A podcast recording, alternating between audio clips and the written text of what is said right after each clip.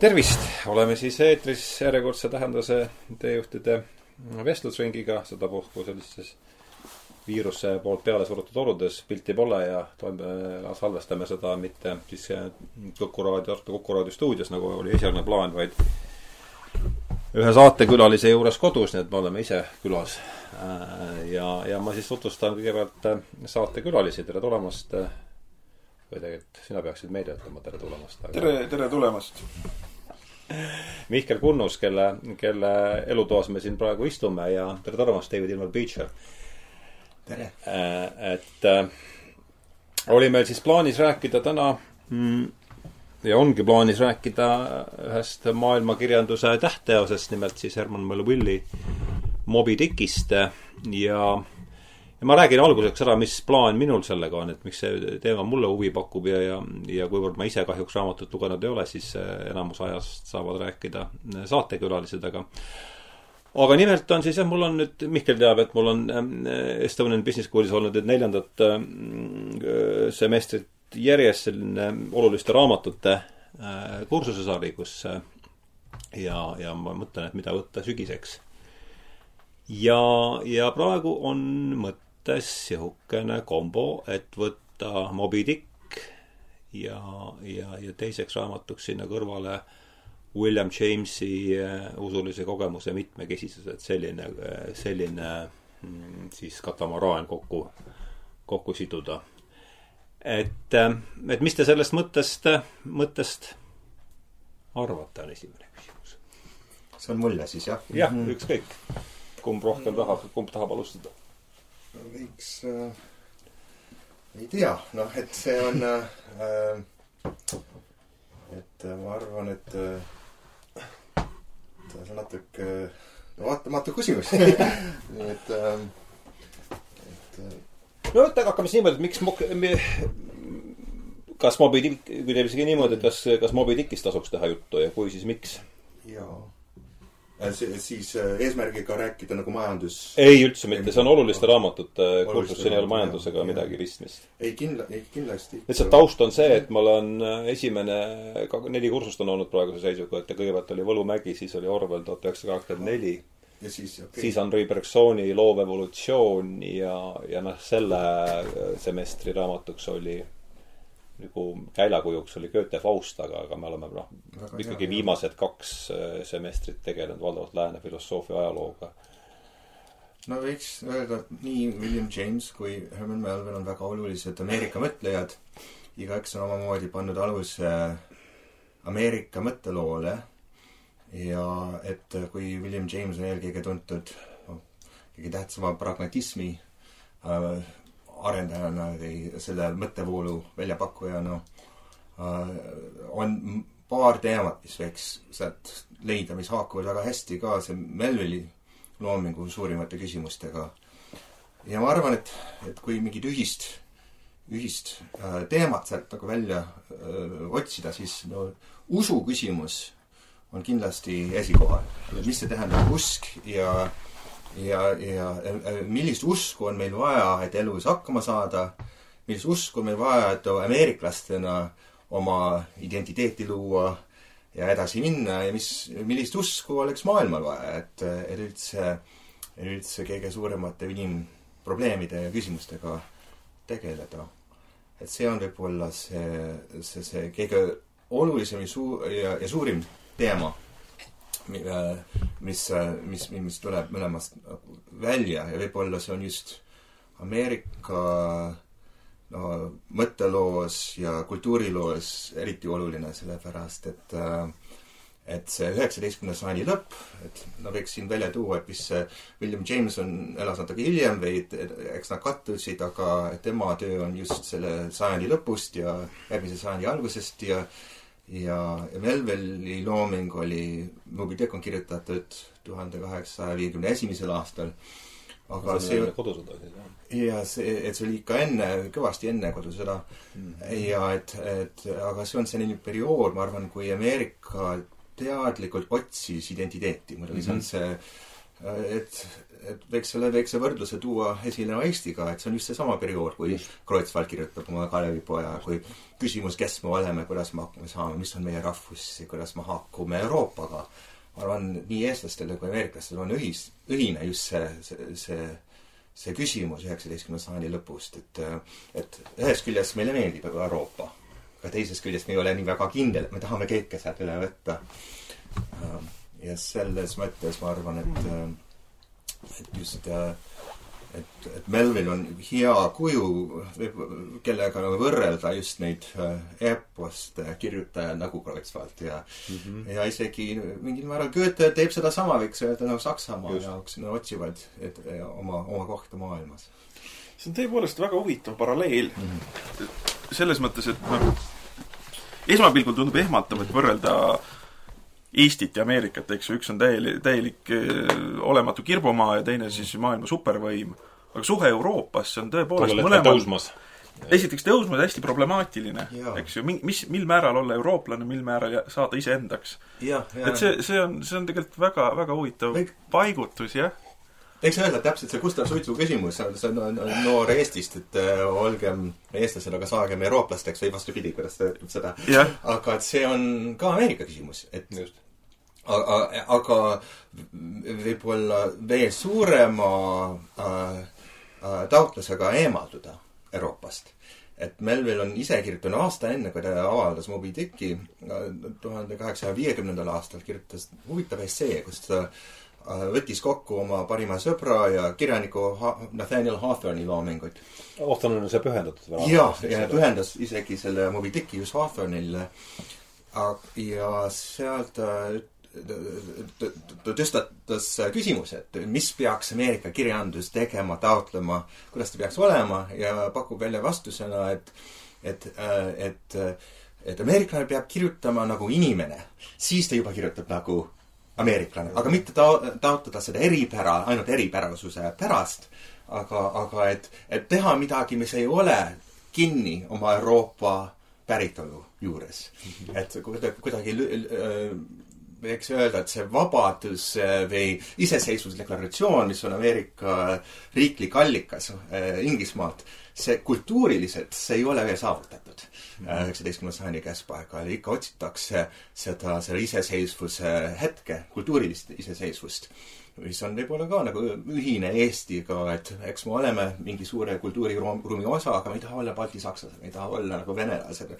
mis on siis eestlus kõige selle kõrval?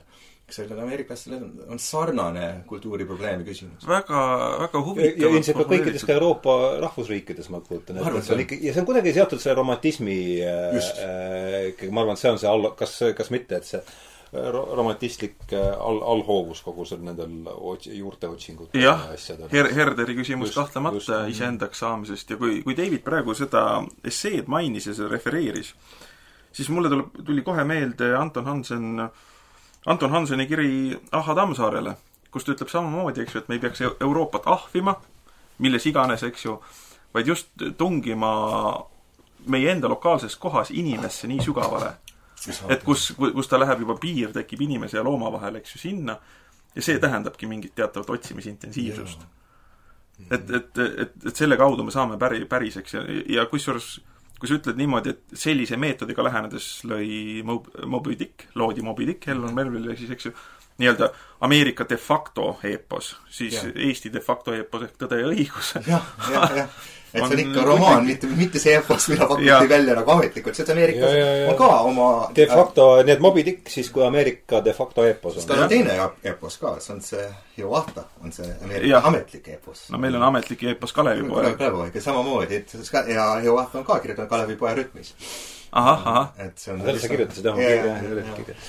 kelle autor, kes on selle, kes on selle see ametliku autor uh,? Longfellow. Longfellow, ta on ka seal, peaaegu kõik sellest ajast ja põlvkonnast olid idaranniku mehed, Longfellow oli ka Massachusettsis, Bostonis nagu Melville, nagu Hawthorne, nad kõik elasid seal uh, no Uus-Inglismaal või New Englandis mm aga, ja New Yorgis natuke, aga eks oli väga piiratud Ameerika tol ajal. tuleb mäletada ka, et muidugi Ameerika tol hetkel koosnes kolmekümnest osariigist ja vahetevahel tuuakse esile nagu, et meil selle, võiks nagu natuke selle raamatu sisu juurde minna Ja, ka, et et lõpupoole Melville või tema jutustaja korduvalt nimetab, et et neil on kolmkümmend matrust seal laeva peal, et, et, et tähistada need kolmkümmend osariiki, kust nad on Mm. pärit, võiks olla, et et ikka see mõiste või see probleem on, et, et kuidas luua Ameerikat sellega.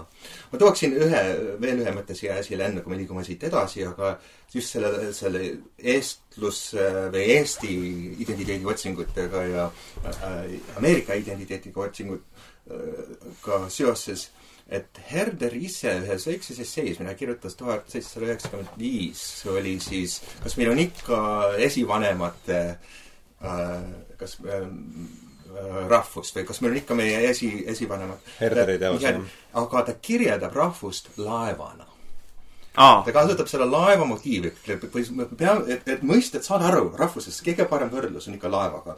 et mis need, meeskond seal laeval teeb. et nad peavad teineteise eest vastutama ja kui nad ei vastuta, muidugi nad, keegi kukub.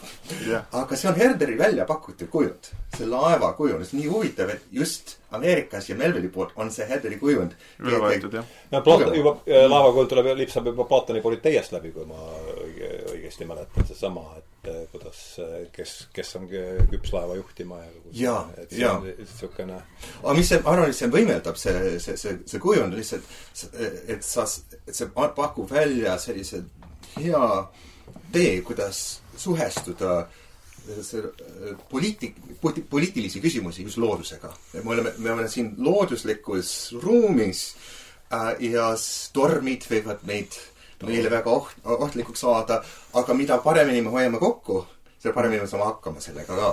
ja muidugi teised laevad, teised maad, kellega me puutume kokku ja muidugi see, ja see, see romaan on selline, kus see toimubki.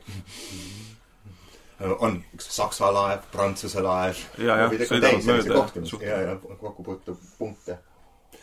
Äh, on sul lisada midagi, siis võiks vaadata, võiks, võiks tõesti äh, anda väikse ülevaate sellest, kaasa arvatud ka saatejuhile, mis siis raamatus äh, juhtub, et nagu ma ütlesin, ma ei ole kahjuks jõudnud teda, James on mul küll põhjalikult läbi töötatud. tähendab, aga aa, no võrdlus Jamesiga ma veel tooksin ju välja, et kui sa võtsid selle kursuse raamatuks, siis ta on William Jamesi usulise mitmekoguse no ma kaalun seda jah, aga, aga mulle tundub, et ta on väga erinev. esiteks, James kirjutab väga, James on väga loetav, väga selge, väga arusaadav, ma ütleks igatpidi vaimustav, superhea raamat, sealt, seda saab lugeda peatüki kaupa. Melville, Melville lööb tummaks ausalt öelda. Et sellele ja nii palju ma sain äh, ka loetust aru, et ta et noh, analüütiliste konksudega on raske ligi jaa, aga ongi saada. täiesti erinevad äh, üksteist, nad peavad üksteist täiendama, mitte ta on, ta on niisugune vägev, vägev mütoloogiline tunnetus on. ja niisugune arhetüüpide tasandil mängimine. selles mõttes, et äh, kui me konstrueerime niisuguse kujutlusliku lugeja, kes on eelkõige varustatud analüütilise filosoofia atribuutidega, siis ta kiilub kohe kinni. umbes kahel esimesel leheküljel ta ei aga et vältida seda, ma pakuksin välja nagu, et väga, väga lihtsustatav kuju, me võiksime lihtsalt nimetada, mis, millest on, millega Just. on tegemist Melville'i Moby Dickis. jah, see on väga hea mõte. et seda, et ma arvan, paljud isegi teavad, et see on, et see on selline seikluslik romaan, räägib laevast või pigem selle varustest, kes lähevad ühe laevaga äh, merele äh, vaalapuu, puu vaala, vaala püüdma. püüdma. ja et see, nad sihivad just ühte no, vaala Konkreetset vaala, jah. see, see valge vaala, see on kapteni tõttu, see Ahab, kes on kapten, tal on selline salasoov tappa ja no püüda kinni selle ühe valge vaala, mis on teda, tema jala ära hammustanud jah, kunagi jah. jah, nii et tal, et ja siis see küsimus on või see probleem on, et, et kuidas seda teha? Ja, ja mis see tähendab üldse, see suuremad tähendused selles, selle, selle seiklusliku romaani juures on, mis teevad ta nii võimsaks ja nii huvitavaks, nii oluliseks. mis on see laev, mis on see vaal? Ja kuidas nad seostuvad omavahel ja ma arvan, et üks, paljud, kes, kui Mälvi seda kirjutas kaheksakümne viienda, viiekümne esimesel aastal, üheksateistkümnendal sajandil, paljud ootasid temast äh, hoopis midagi muud. sest ta oli kuulsaks saanud ja väga edukaks kirju, kirjanikuks ka selliste seikluslikute romaanide äh, kaudu. ta oli ise madrus, ta oli ise käinud vaala, vaala puu, puugil, et, et ta teadis, millest ta kirjutas mm. -hmm. Aga see ei olnud selline põnevusromaan, nagu need endised olid. et see, et, et ta ei olnud väga edukas sellega. aga see oli väga filosoofiline selle vastu. võiks öelda, et mida ta püüdis viimaks, noh, selle, selle romaaniga teha, on just tõstatada ja, ja käsitleda neid suurimaid küsimusi, millega ameeriklased ja üldse maa-, inimesed maailmas tegelesid ühel hetkel ja et see kõige olulisem seal on, on, mis tähendab laev ja mis tähendab see vaal. ja, et ta, ta suudab sellega äh, peaaegu kõik probleemid, mis üldse võiks nagu inimkonnale või äh, tek- äh,, no, pähe tulla, neid käsitleda. ja, ja vastuseks võiks öelda, et, et äh, laev on Ameerika. aga la-, aga vaal on ka Ameerika. et see põhiline on siin semiootiline probleem semiootiline küsimus, et kuidas suhestub tähistaja tähistatavaga. et mm, -hmm. et, et, et, kuidas me teame, et laev on Ameerika, noh, sellel on ühe Ameerika indiaanlaste äh, hõimu nimetus, et Pequod on üks Ameerika indiaanlaste hõim ja seal kõik, kes on sellel laeval, on igalt poolt, on üks äh, on äh, aafriklasi, on, on, on, on, on hiinlasi, on Indiast pärit inimesi, kogu, nagu Ameerika, kogu igalt poolt maailmas on tulnud kokku see, see rahvas, kes hakkab seda vaala taga ajama. siis see vaal on see, mida nad püüavad oma harpuunidega nagu kinni püüda. ja et seda teha, neil on vaja, et keegi juhiks neid ja kõik need küsimused, mis, mis on nagu päevakorral praegu ka, on, on seal olemas, et, et kuidas saavutada seda üksmeelt see on dem-, demokraatia probleem ja küsimus, et nii palju erinevaid inimesi, nii palju erinevatest rahvastest, me peame äh, andma mingisuguse tähenduse sellele vaalale, et kõik oleksid nõus, et seda nagu jälitada. ja see on ju kodusõja, see on veel see kodusõja eelne otsing, eks ole ju mingil määral ka. jaa, võiks öelda, et, et selle, see ebaõnnestumine võib-olla ennustab natuke selle kodusõda. see jääb kõlama, see asi, jah. aga et jah. väga huvitav ja see on ka, no Jungi sõnavaras on see, üks on teise vari. kindlasti selles mõttes, et teine on see saatanlik, teemonlik, tume, pime, destruktiivne pool. just. Ja see on väga huvitav. veel, kui seal mm -hmm. laevapüügil on näiteks äh, sa räägid nüüd, palun anna sellele väitele nagu värvi juurde äh,. et no, Moby Dick ja Picot see laev, eks ju mm, -hmm. püügilaev, eks ju, nad on tõepoolest okay., nad on selles Üks, mõttes laev ja vaal on teineteise varjud, jah? jah et, et sellises suhtes ja siis veel on huvitav see, et noh, need äh, küsimused, mis seal püügil tekivad, näiteks kapten äh, pa-, kaptenilt, sellelt Eihabilt palutakse abi, üks teine laevapüügi kapten palub abi, et tema püügipaat kadus ära koos tema pojaga pardal, eks ju, et tõesti aita üles otsida nelikümmend kaheksa tundi, et siin sõidame kõrvuti, näeme kaugemale. ja siis Eihab ütleb ei, eks ju, ma ei, kütin seda vaala, ühesõnaga mm -hmm. nagu ta on oma eesmärgile suunatuses mingis mõttes täiesti maniakaalne. kirglik veel, kui üks, üks arglik või noh, niisugune ehmunud väikest kasvu pipp, neegripoiss, lendab ühel püügihetkel üle, eks ju, üle parda, siis nad lähevad vaale jälitades, jätavad ta sinna merre hulpima, eks ju. no pärast küll korjavad üles, aga noh, see noormees läheb vapustusest hulluks, eks ju, ta on täiesti ihuüksi lagedal seal mere peal. noh, et, et see, sellised küsimused, et see mm veel, mis mulle tuli nagu Eihabiga meelde, et et mingis mõttes on Eihab, eks ju, see on kirglik pühendumine mingile ühele eesmärgile. et ta on nagu mm -hmm. kuri või teemonlik Faust, eks ju. jaa, täiesti, see on, see Faust on täiesti õige äh, võrdlus siin. et, et ta on samamoodi hästi sihikindel, eks ju, kirglik ja, ja, ja kuidas see võib muutuda teemonlikuks ja kurjaks. aga nagu Faust ka, et tal on see, see on ühest küljest väga isekas, aga teisest küljest ta püüab päästa maailma inimkonna, nagu Faust ka, et, et ta loob uue korra, ta teeb uue maailma. see progressi mõiste, mis on nagu Faustile nii oluline, et, et, et areng kogu inimkonnale, ta, ta võtab sellest soo ja teeb sellest linna. Mm -hmm. Ehab ütleb, me püüame selle ära ja me lunastame kõik inimkonna patud nagu selle, või mitte patud, aga pigem see, kõik selle kurja, mis on looduse poolt meile tehtud inimestena, saab kuidagi lunastatud ja nüüd siis me viskame selle vala kinni püüa. jaa, aga muidugi see kõige suurem tema jaoks, see kõige suurem vastuolu on see, et äh, et ta peidab seda oma, nii oma madrustest alguses, aga ka kõikidest, kes on seda finantseerinud. oota, peidab mida? seda, et ta ajab seda valge vaala. et ta seda konkreetset vaala taga ajab. et teised tahavad kasumit see on nagu, see on Ja, ja, ja. kapitalismi küsimus ja ei taha nii palju äh, püüda, kui on üldse võimalik jah, ja, ja eks ta suudab seda juttu rääkida ka ja, ja ta on väga, eks öelda, et tema on selline arhetüüpne, nagu öeldakse inglise keeles selle üheksateistkümnenda sajandi kohta, captain of industry. See on nagu kõik need suured Stanfordid ja kes nagu lõid need su-, su-, vaata, Haab on ka, Ehab on ka siis selle see on nagu kogu kehastus, ja Rockefellerid ja, Ja, ja kõik ja. need, kes nagu nii suure, see tõstab ka küsimuse, mis see kapitalism päriselt on ka, et kas on see pühendumine selle ühe idea-, ideaalile, kuidas see suhestub äh, selle, selle kasumi teenimisega. et, et, et tema edukus, et ta suudab panna kõiki uskuma temasse, selle, selle eesmärgisse ka ja ka hukutavasse eesmärki, eks ju, lõpus jaa.. ja, ja, ja lõpp, ja muidugi lõppude lõpuks see, see, see, see viib sinnani välja. jah, ja kusjuures, eks ju, need mehed näevad väga palju vaeva, need madrused, see töö on, eks ju, tõepoolest jõhkralt raske. ja tuleb veel öelda, et see üheksateist sajand, noh, mida nad, ega nad ei küttinud vaalaliha, eks ju, see on see halvasti õnnestunud sõna igas keeles, spermatseet, mis on, no võiks öelda vaalavaha, rasv ei ole selle kohta õige öelda. ikka küünalde.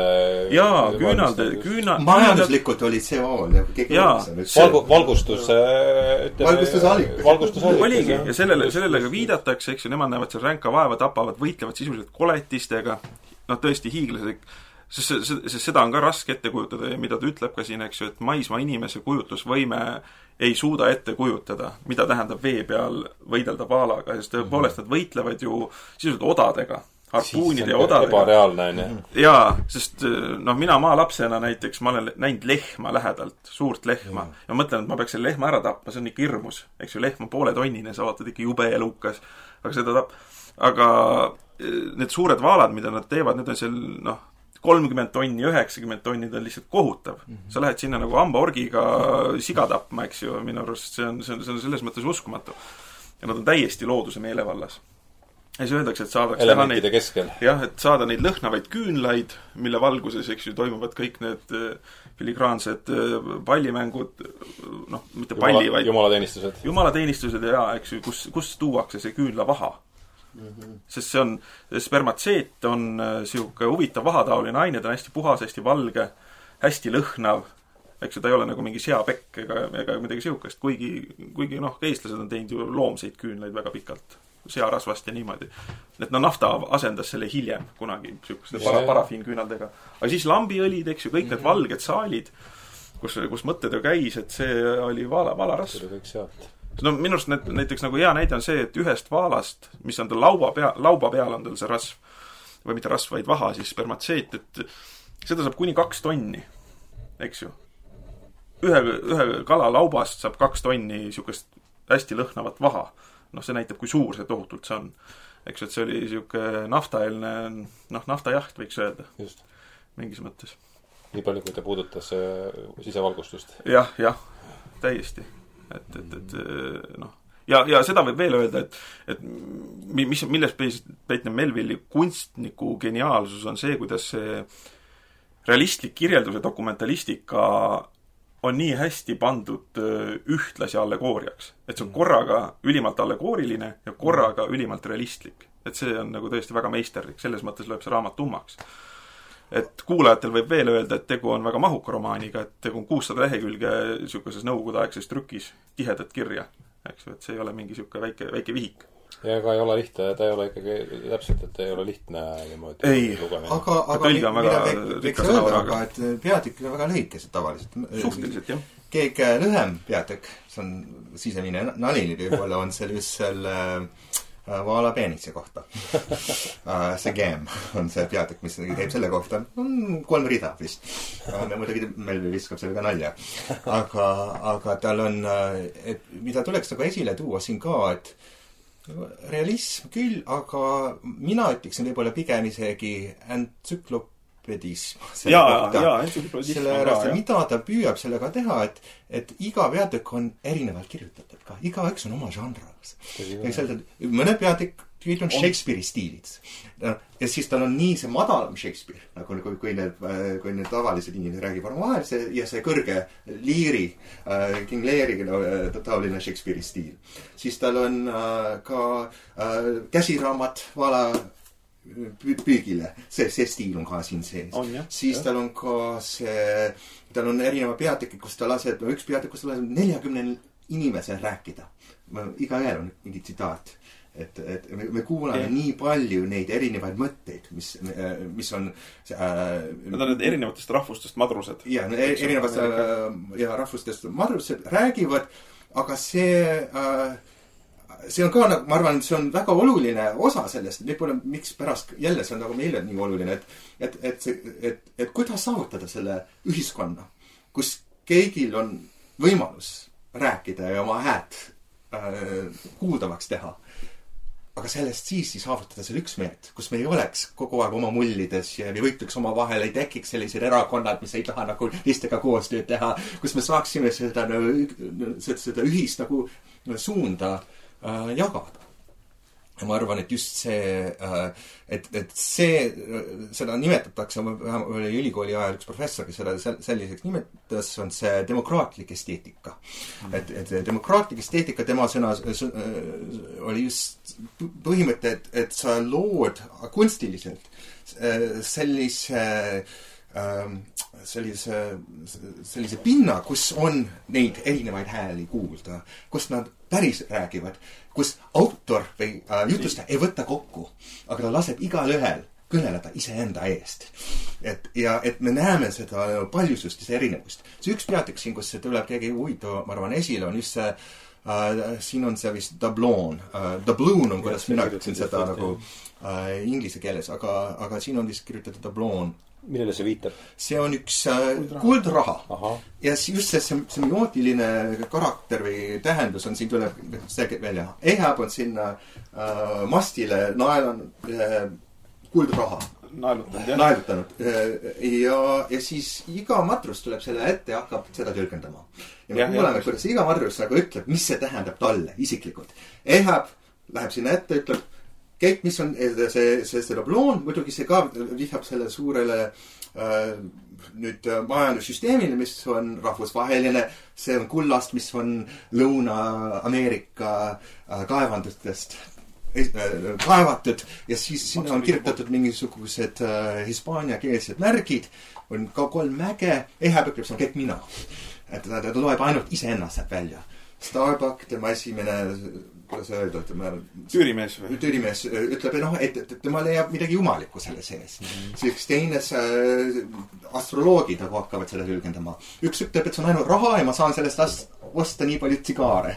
kolm, kolmas ütleb, noh, et see, see Pipp, seesama Pipp, kellest me rääkisime varem, et kes on hulluks läinud. tema tõlgendus on hoopis selline hullumeelne, aga natuke jälle sellise King Leari nagu Shakespeare'i stiilis. Äh, aga igaüks pakub välja oma tõlgenduse sellest. no see peatükk, see on peatükk üheksakümmend üheksa siin raamatus, nii no võimas ja huvitav, sellepärast just see tõstab no esile selle tõlgendamise probleemi, kuidas me saame asjadest aru, mis, mis on see märk mm. -hmm. ja kuida-, ja siis just selle naerutamisega ka eks see on, mida nad püüavad, püüavad teha selle päris vaalaga, nad tahavad selle oma harpuunidega naerutada nagu, et see laev ja see vaal oleks kokku toodud ilmaks. et see tähistaja ja tähistatav oleks üks ja seesama.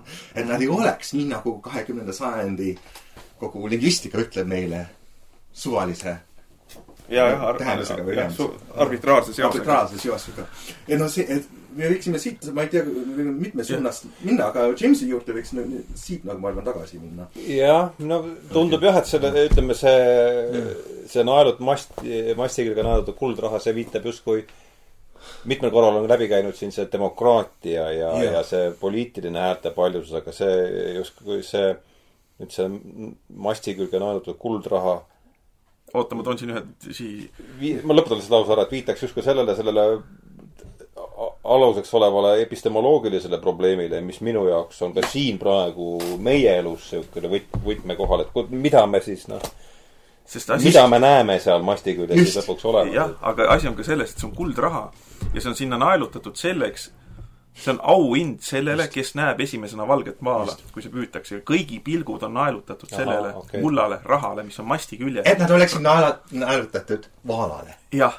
looduses, et see toob selle seose kokku, siin on see raha, see raha tähistab midagi, mis on looduses päriselt seal olemas, mis ja. võiks olla midagi. ja see on laeva masti ja. küljes, eks ju mm. -hmm. ja see siis, võiks öelda, suunab kogu laeva. mingis mõttes, eks ju, ja noh mm -hmm., narratiiv on lihtne, see hukutab selle laeva, eks ju väga lihtne ju- see, ma saan aru, see on nüüd mitu, veel kord, mina ei ole lugenud, aga ma saan aru, et see laeva, see ei ole nagu happy end'iga. see ei ole jah happy end'iga happy end'iga romaan, aga sa oled võtnud raamatu, tahad meile ette lugeda midagi sealt? ei, ma jah, et või ma lihtsalt tooksin esile siin Jaa. seoses selle viimase peatükiga, mida ma mainisin, see ühte-teist peatükki, mis, mida mina pean võib-olla romaani kõige olulisemaks. Seda Bloon, seda Bloon on teisel kohal, aga esimesel kohal on neljakümne tei-, teine äh, peatükk, see Vaala valevus aa, see on võimas see peatükk. on võimas peatükk ja see on kõige filosoofilisem peatükk, ma arvan ka. ja ta algab sellise lausega, mida valge vaal tähendas Ehabile, sellest on juba räägitud. mida ta puhuti tähendas minule, jääb esialgu ütlemata. ja kogu see peatükk siis räägib sellest, et mis see vaala valevus võiks tähendada. see, et tal ei ole värvi, et ta on valge, see on valge vaal, et tal ei ole mingisugust, mingisi, mingisuguseid omadusi. sealt ma, sa saatsid selle lõigu, sealt hakkas see Goethe ja, Goethe ja Newtoni nagu värviteooria vist küll, jah, jah. kuskilt hakkas see natuurfilosoofia natuke see hakkab, kuigi paljudes loodus äh,, äh, loodus äh, see neis äh, nagu marmoris, kameelias ja pärleis tõstab valevus ilus selitavalt esile. otse kui annaks ta sel teel edasi oma omaenda võlust. ja kuigi paljud rahvad on sellele värvitoonile nii või teisiti omistanud teatava kuningliku üleoleku, ja siis läheb edasi, edasi, siit ta ütleb siiski see val-, see, see valge värv, mis on ka värvide puudus mm, -hmm. on kõige hirmuäratavam aspekt üldse sellest vaalast mm. -hmm. et tal ei ole, tal ei ole Värvi. aga mida, no muidugi see probleem on siin, et see valge vaal ei tähenda mitte midagi. kui me võtame seda mm. ja see on, mille vastu noh, kõik võitlevad, et kuidas tuua kokku midagi, mis on loodus, millel ei ole mit, mitte mingit tähendust selle, selle tähendusega, mida me tahame talle peale suruda. et, et, et ta oleks meile oluline, loodus ei oleks selline asi, mis oleks Tähendusetu. tähendusetu, mis ei hooliks meist, mis vaataks meile kui mingisuguse ükskõikse pilguga otsi, otsa. et siin see, see, see vaala val-, see viimane lõik, ma ei tea, üksteist võiks võib-olla seda ette lugeda, minu arust see kõige nagu võimsam võib-olla lõik üldse kogu selles romaanis. eks see al- sa räägid, mis peatükist? see on ikka see nelikümmend Neli- kaks, see, see va- vaala Vaala val- valevus. aga see algab siit, ma ei tea, võiks võtta äh,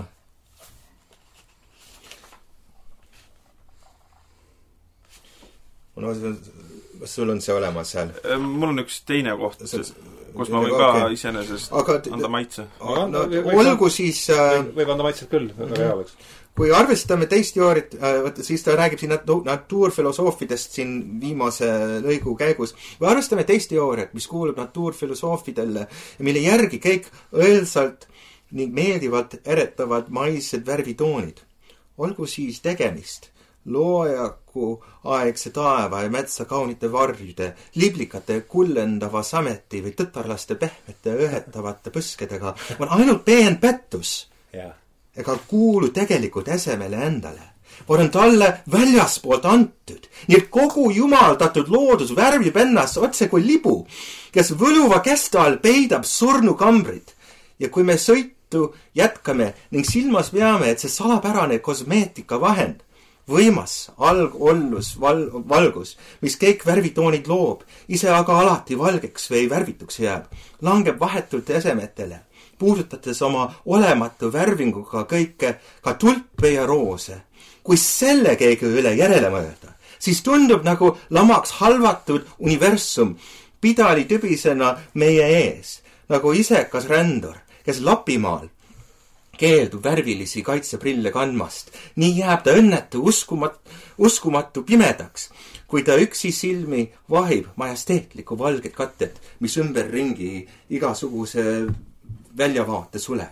ja kõike seda sümboliseeris Vaal Albino. on siis ime, et teda nii raevukalt jälitati? see on selle romaani küsimus. miks peab me seda ajama taga? Poeetika tuleb ka muidugi hästi välja, et, et ta on vahepeal ikka Väga- väga kange. et ma loen ühe lõigu, mis läheb sellega väga hästi kokku. oi inimene, ära vaata liiga kaua otse tulle. ära iialgi un- unusta, et hoiad käes roolipinni. ära pööra selga kompassile. vasta müksiva roolipinni esimesele märguandele, ära usalda kunstlikku tuld. selle punane valgus annab kõikidele asjadele tontliku hilme. homme ehtsa päikesepaistel on taevas hele ja selge. Need, kes näisid haraliste leekide paistel tontidena, on hommikul hoopis teistsugused. igal juhul silmale harjunumad. võrratu kuldne naerev päike on ainus tõeline valgusallikas, kõik teised on võltsid. sellegipärast ei val-, varja päike Virginia süngeid soomülkaid, ei Rooma ümbritsevaid neetud kampaaniat, ei leia Saharalt ega miljonit miile kõrbet ega muretut kuu all ei varja päike ka ookeani, mis on maakera salapäraseim osa ja katab kaht kolmandikku meie planeedi pinnast. Seepärast ei saagi surelik, kelle hinges on rohkem rõõmu kui kurbust, olla õiglane. ta on kas silmakirjateener või tölplane. raamatutega on sama lugu. kõige õiglasem inimene oli kannataja ja kõige õiglasem raamat on Saalomoni raamat. koguja raamat, see on peen taotud nukrusteras. kõik on tühi töö, kõik meie põikpäine maailma ei ole veel selle Saalomoni eelkristliku tarkuseni jõudnud. kuid see, kes haiglast ja vanglast kaugelt möödale käib, kiiruga läbi kalmistu läheb, meelsamini ooperist kui põrgust räägib, Kauperit, Jangeli, Jangi Pascali või Rousseau'd haletsusväärseks haiglaseks mehikeseks nimetab ja kogu oma muretu eluaja jooksul Rabelais kui väga targa ja sellepärast talle meeldiva kirjaniku nime vannub, ei.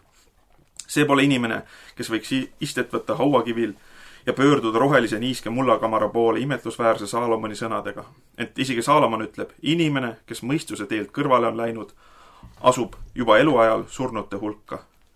niisiis, ära lase tulend võl-, tulel end võluda, et ta sind näoga ahtri poole ei pööraks ning juhmiks ei teeks. nagu ta kord minu tegi. tarkus on needus ja võib hulluks ajada mõne inimese hinges peitub kätskilli kotkas, kes ühtviisi suudab laskuda kõige pimedamaisse kuristikesse ja neist jälle välja lennata ja nii kõrgele õhku tõusta, et päikesepaistilises taevas nähtamatuks muutub. kuid pidage meeles, kui ta ainult kuristikus lendaks, on tegemist ikkagi mäestikuga. nii et mägikotkas on ka madalale laskudes kõrgemal kui teised linnud lagendiku kohal.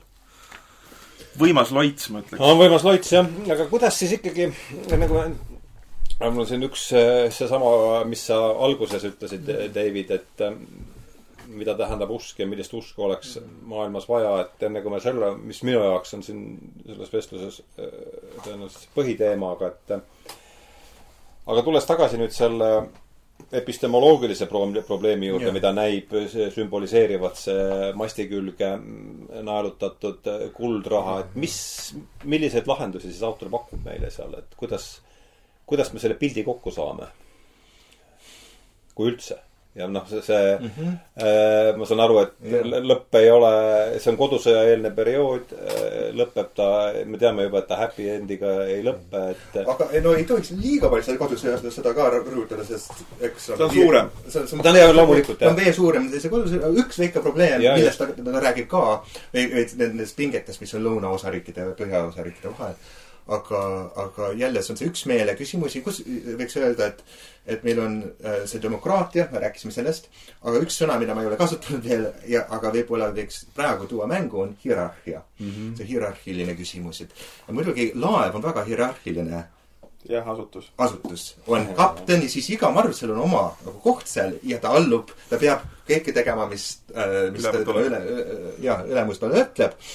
ja et, äh, et mis tuleb, see pinge või see niisugune vastuolu, selle hierarhilisus ja selle demokraatliku taotluse, noh, see on igas ühiskonnas olemas, see on Eesti ühiskonnas ka, aga see on nagu see, võib-olla võiks öelda Ameerika probleem, sest Ameerika rohkem kui ükski teine maa tollal oli loodud selle põhimõttega, et siin me vabaneme kuidagi hierarhiatest, mis Euroopas on valitsenud. meil ei ole oma feudalismi, meil ei ole oma aadlikuid, meil ei ole seda probleemi, me võiksime kõik võrdsetena siin hakkama saada aga tegelikult niimoodi ei ole ka. ei, see iga suur Ameerika romaan mingil määral, Gatsby ja äh, Melville ka ja kõik teised ka käsitlevad seda, seda probleemi just, et, et me räägime demokraatiast, aga tegelikult on hierarhia igal pool. ja kuidas seda lahendatakse? vägivaldse võimuga ja selle sellise, sellise prohvetliku kõnega. see, ja see, siin me võiksime tuua esile seda, see, et Ahab on võib-olla ateist, ta on väga ateist, ei ainult usub endasse, aga tema kõne on väga selline jumalik. jaa, prohvetlik. prohvetlik, see, just see prohvetlik kõne, mis hakkab levima Ameerikas sellel ajal, no ju oli juba pool sajandit varem, on väga hästi kehastatud tema poolt. ta paneb inimesi tahtma teda jälgida. ja võiks öelda, et see on nüüd see Ameerika valem läbi maailma ja selle üleilmastumise valem. Nõukogude Liit ei suutnud niimoodi teha, ta ikka nagu surus peale ja ähvardas ja tappis. Ameerika kuidagi tema võim on teistsugune, ta paneb inimesi nagu tahtma kaasa tegema, kaasa lööma. nii et see küsimus, et kas inimesed on nõus või mitte, see demokraatia ei aita enam selle vastu. et kui keegi veenab siin reklaamiga, ütleme, et see on see kõige parem, see on see kõige parem, te peate seda tegema, siis te saate kasumit. ükskõik mm -hmm. mida see, mis see jutt on. ja siis äkki on ainult üks hääl kõikidest nendest häältest nagu äh, kaob ära. nii et lahe, lahendust ei ole, see näitab seda probleemi, kuidas demokraatias luuakse sellise populistliku ühe üks, üksmeelsuse. jah, sest, sest, sest paljud isegi mõistavad, eriti mm -hmm. lõpus, nad mõistavad, et see laev suubub hukatusse, eks ju. ja muidugi asi on selles, et laev ei saa korraga minna mitmes suunas. eks see on väga üheselt näidatud. igaühel võib olla oma hääl, aga ta ei saa seda nagu juhtida oma. jah, laev ei saa korraga minna mitmes suunas. et laev, laev paratamatult, eks ju, läheb ühes suunas, siis nad isegi saavad aru, et see Eihabi valitud kurss viib hukule aga nad ei suuda talle vastu hakata. et see Starbuck, see nii-öelda peamine tüürimees ühel küll, ühe korra küll mõtleb, et eks ju, ta läheb sinna kapteni ka-, kajutisse, seal on laetud püss, eks ju, seinal enne selle kajuti just, mõtleb, aga aga kui ma laseks ta maha, eks ju, ja ma päästaks sellega kolmkümmend meest kindlast hukust, eks ju, et kas see poleks mitte õige käitumine? sest me ei suuda kuidagi selle Eihabiga muidu to toime tulla. et me ei suuda teda ka niimoodi öelda, et me läheks hulluks, kui me seoks ta kinni ja paneks kuhugi poltidega maa külge. et, et me ei, me ei kannataks välja, sest selle mehe loitsiv vägi on nii võimas, eks ju. ikkagi siis jah sest asi ongi selles, et see Eihabi prohvetlik sõnum, see, see viibki nad hukule. Nad ei suuda sellele vastu panna. see on väga hea tähelepanek just. ja just see, nagu mida me maailmas kogeme praegu, et ja meil on nii palju näiteid sellest viimasel ajal ka. mõtle, mis see Ameerika võim ja mõju on olnud Lähis-Idas. me ütlesime, saame Saddam Husseinist lahti ja siis me saadame selle korda hoopis tekib selline anarhia, kus kõik nagu võitlevad omavahel ja teineteisega ja see on just see IHAB-i probleem ka, et mm. saame temast lahti, me ei saavuta mingisugust parimat ühiskonda, me saame, saavutame sellist, sellist vägivaldset anarhiat, kus kõik tapavad teineteist. et see on see üks hirm siin ka nagu nii, nii Starbuckidel äh, kui teistel. et IHAB loob selle korra üldse mm., mis paneb selle asja jah, minema toimuma, isegi kui see on kõige halvemas suunas. jah, hoiab, hoiab laeva käigus jah ja., sest seal on, laevas on ka niisuguseid täiesti mõistatuslikku äh, asiaate mm, -hmm. mis on jälle omapäraselt jõudnud. et eks nagu ühe nagu konkreetse asja nagu siin välja tuua, et, et, et, et need, et, et uh, tüürimehed, kas on, kas võib öelda kolm tüürimeest? Need on see first mate, second mate, third mate, nagu öeldakse inglise keeles on, so Starbuck on see esimene ja siis Stubb on see teine. Stab on teine, Flask on kolmas aga igaühel, ühel on ka oma harpuuni viskaja. see harpuun ja ükski neist ei ole äh, ristiusku mm.. Nad on, on neli üks on see, see Ishmaeli, selle jutustaja. naab-, naa-, äh, toanaaber. paarimees. Ishmael on jutustaja. jah, Ishmael on, aga see Queequeg on tema harpuuni, et tema on kuskilt sealt äh, Lõunamerest. et ta on ka paganlik, äh, öeldakse lõunsööja. siis see teine on äh, üks Tashtigo, kes on Ameerika indiaanlane mm. -hmm. kolmas on Dago, kes on siis äh, aafriklane. see, see, ja siis on see neljas, see kõige huvitavam ja kõige olulisem Eihabil, et Eihabi vari on see Fedala, kes on kuskil Iraanis või, või Fedalla. Fedal-, mm, jaa. kes on äh, sellise äh, ennustusliku võimega, ta kogu, ta ütleb ette natuke jälle Shakespeare'ilikku, nagu Macbethile öeldakse, et kuidas teda tapetakse, et see, mm -hmm. tema mängib seda rolli ka. nii et see on huvitav, et, et need, et need, need odad või harpuunid, harpuunid on seal visatud mingi muulaste poolt et see, see, see konkreetne side selle, selle valaga ei ole, ei, ei ole ristiusu kaudu saavutatud siin. jah, ja ristiusu mütoloogia on iseenesest väga-väga tugev.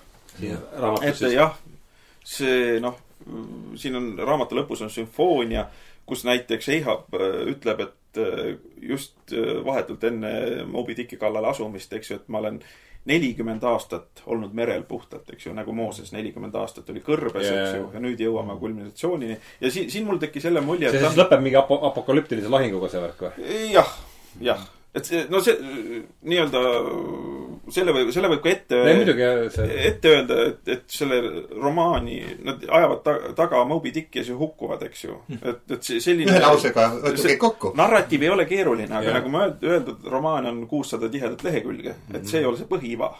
selle, selle me oleme ära öelnud. jah, et need alle-, allegooriad on seal võimsad ja tõepoolest oleks nagu ka äh, ta on mitu, on mitu korda, ta on nagu maine või neetud äh, Faust, ta on maine või neetud mm. Mooses. seal on hiobilikke elemente täiesti tuntavalt sees. et see, kui sügavalt tõepoolest äh, Melville mängib nende inimolemise piibliga mängib väga palju ka. noh, arhetüüpidega jah, et see on, see on tõesti vägev nojah, Ehab on nelikümmend aastat olnud merel ekselnud mm, nagu Mooses kõrvas. jah, ja just, ja just see, et ta pole maaga kontaktis olnud, eks ju, ja nüüd hakkab olema. no see oli nagu minu jaoks, kui ma kirjutasin oma bakatööd selle kohta, kõige huvitavam ja olulisem äh, teema oli just see merekeel või ookeanikeel ühest küljest ja siis see maakeel või maa olemus ja kultuur teisest. räägi sellest lähemalt. et see on just see, et, äh, et, et, et, et need, et Melville'i jaoks ja ma arvan, et see on võib-olla üks tema kõige suurematest panustest üldse nagu Ameerika kultuuriloole, et see Ameerika identiteet on selline, mis ei tule maast. see tuleb nagu merest, mis on kõik muud kuidas öelda, no muuteline, mis ei, mis ei, ei pea paika, mis ei püsi. see on ka väga Fausti mõiste, mõiste või mõte, et kõik, mis on tahke, suleb õhku või Marx on selle nagu Faustist võtnud üle. aga see ongi see vaimsus või see vaim, milles seda jutustatakse oli üks lause siin, mis nagu võtab selle väga ilusti nagu kokku siin lihtsalt, et et kui ta kirjutab siin kahekümne kolmandal peatükis, et et uh, et aga ülim tõde, piiritu ning määratlematu nagu Jumal, asub ainult seal, kus pole maad. siis on parem kaduda pahisevasse lõpmatusse või lasta end häbistavalt tuulealusesse randa tõugata. et see on üks näide, aga on korduvalt seda kuulda siin romaanis. et see, mis on päris ja, ja, ja mis, see täit tõde, see on ainult meres. et maine elamine on enesepete. ja et me püüame oma, oma maise eluga mingi korda teha või, või saata, aga me ei ole siis puutunud kokku selle kõige olulisemaga. jah, see on nagu ebaväärikas. ebaväärikas kuidagi, jah. ebaväärikas väike, noh, võiks öelda niitselikult orjamentaliteedilik elu. jah et on, on, on see nii-öelda sada, sadamasse, sadamasse, sadamasse otsi-, niisuguse väikse varjupaiga otsimine mm. ja, ja kusjuures vot selle, et kui ta seal valmistub oma viimaseks äh, lahinguks, eks ju, nelikümmend aastat merel olnud, valmis kulminatsiooniks, siis on, siis temasse hinge lööb korraks ka kõhklus, kui korraks siiski läheks maale ta räägib sellest ja. ka Eihab jah, räägib korraks ka Starbuckile. jaa, et see on nagu, see, sellega mulle meenus jälle Nikos Kazantzakise Kristuse viimane kiusatus. Sest eks ju, Nikos Kazantzakise Kristuse viimane kiusatus, kus seal on. see on see, millest tegi ka Scorsese filmi või? jah. et Krist-, et Kristuse viimane kiusatus on see, et mitte ronida ristile, vaid elada normaalset, rahulikku, õdusat ja. elu, luua pere, eks ju, maineõnn, eks ju mm. -hmm. ja Eihebit ka seal kummitab see maineõnn.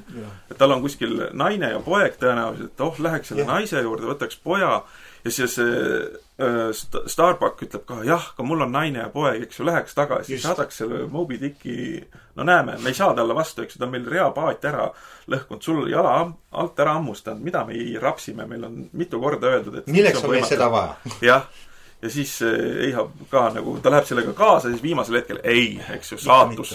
ma ei tea, miskipärast, kui ma seda juttu kuulen, siis mul tulevad otsused, eh, kui ma seda juttu praegu kuulan, see, et lähme koju tagasi, mul tuleb miskipärast see NLKP otsus, et panna need jõed nagu teistpidi, see kuidagi kuulub nagu samasse, oli ju mingi ja. suur, suurte obi, obi, obi ja Irtõši jõgede pööramise ja. suur. aga see on, aga see on nii omane, nii, ma arvan, nii Ameerikale kui Euroopale kui Nõukogude Liidule. vahel me mõtleme, sellist jabur mõtlemine on ainult Nõukogude Liidu juures. ei, see on tegelikult kogu. see on ikka suurem, suurem, suurem, just, just see on see alushoovus, mille peal. mille peale kogu, eks nagu Nõukogude Liit oli ka marksismi pealt üles ehitatud ja see on ka euroopalik ideoloogia. ja see on faustilik ideoloogia. jah, selles mõttes allutame looduse. allutame looduse inimvõimule, kapitalism ja sotsialism mõlemad taotlevad. no täpselt, see on just need täiesti ühine ja, ja siis mõlemad hukkuvad, muidugi praegu me räägime Lenin ju ikkagi oli suur Taylori fänn, nii palju kui mina mäletan sellest.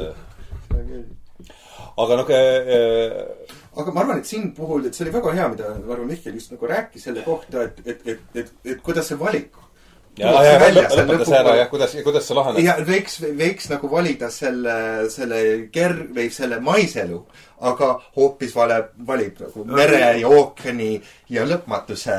ja ei, ta ütleb ka, et ta on ikka saatuse käsilane, eks ju, mis on temast suurem, ta ise näeb ka seda, seda, seda tirivat tungi, mis temas on. sest seal öeldakse ka, et, et noh, see naela, naelutamise kujund tuleb, sest seda naela taotakse tema südamesse aga ma ütleksin, see on üks väga hea koht, kus tuua välja selle erinevuse just selle William Jamesiga mm. -hmm. No. ma arvan, et kogu selle William Jamesi filosoofia on üles ehitatud selle maise lahendustele. et ta, ta näeb, ta näeb seda merd, aga tema on see, kes pöör-, pöördub sealt tagasi. ja ta tahab mm., tema filosoofia on selleks loodud, et me saaksime hakkama siin maailmas. pragmatism, kõik see, et midagi õudset ja rasket ja, ja, ja seal, seal maailmas, mida ta tajub, ta saab sellest aru. aga ta tahab sellest jah, kõrvale minna, sakraaldemooniliselt, et inimene saaks maiselt hakkama. jah, et see demoon, see, see demooniline külg ei vallutaks teda ja,. jah, jah. et, et selles mõttes nad moodustavad isegi päris hea antipoodi. selles mõttes jah. ja see on väga huvitav, väga huvitav äh, vaade sellele asjale, jah. jah, sest äh, noh, noh, James on, eks ju, pragmatist ja see on just mm., ta ütleb ka, tõed on, eks ju, tööriistad. tööriistad, jaa kõik on nagu Melville ütles kunagi, et tõed on ainult tööriistad. no meri on siis see transcendentsi sümbol. jah eks ole. nii jälle, nii vähe kui mina seda, see teie juttu olen kuulnud. paljud kasutavad seda ka, Freud kasutab seda ka oma selles viimases teoses või eelviimases, mis on see äh, tsivilisatsiooni ebakõla või mis äh,. ahistuskultuuris. ahistuskultuuris on täiesti. just, kirjutab just alustab sellest, et meil on see lõpmatuse tunne, aga saame sellega hakkama, selleks siis see suhu jah, ja Schleiermacher ütlebki reli-, et religioossus on inimese kalduvus huvituda lõpmatusest, eks ju. Mhm. paneme nüüd siia kire juurde, täiesti allutava kire ja me olemegi seal omadega. ja vaata, kusjuures Toomas Mann kire ja varjud. jah, Toomas Mann ütleb ju Võlumäes see, et meri, ei, ma, oli see ikka Võlumägi või? Mhm. et meri avab negatiivse lõpmatuse, et sinna ei tasu liiga kaua põrnitseda või silmitseda see ei olnud vist Võlumäes. tule küll ette praegu sellist sõnastust täpselt see..., aga, aga või see ei tähenda, et seda seal ei olnud? ega see on, jah, see ei ole Võlumäes minu arust, see ei ole Võlumäes, vaid see on ühes teises kohas. see on vist isegi selles Pudenbrookides see võib olla Buddenbrookises küll jah, kui Toomas ja. elu lõpupoole vaatab, äh, räägib kahte sorti inimestest, et ühed, kes, kellel meeldib mere ääres jalutada, teistel mägedes vist. jah, jah. midagi sellist, see tuleb. ühe, ühes kohas jah, kus vaatab igatsevalt merele ja ja, ja, ja, ja see, see sööb, sööb ära. see on seal üsna Toomase lõpu mm.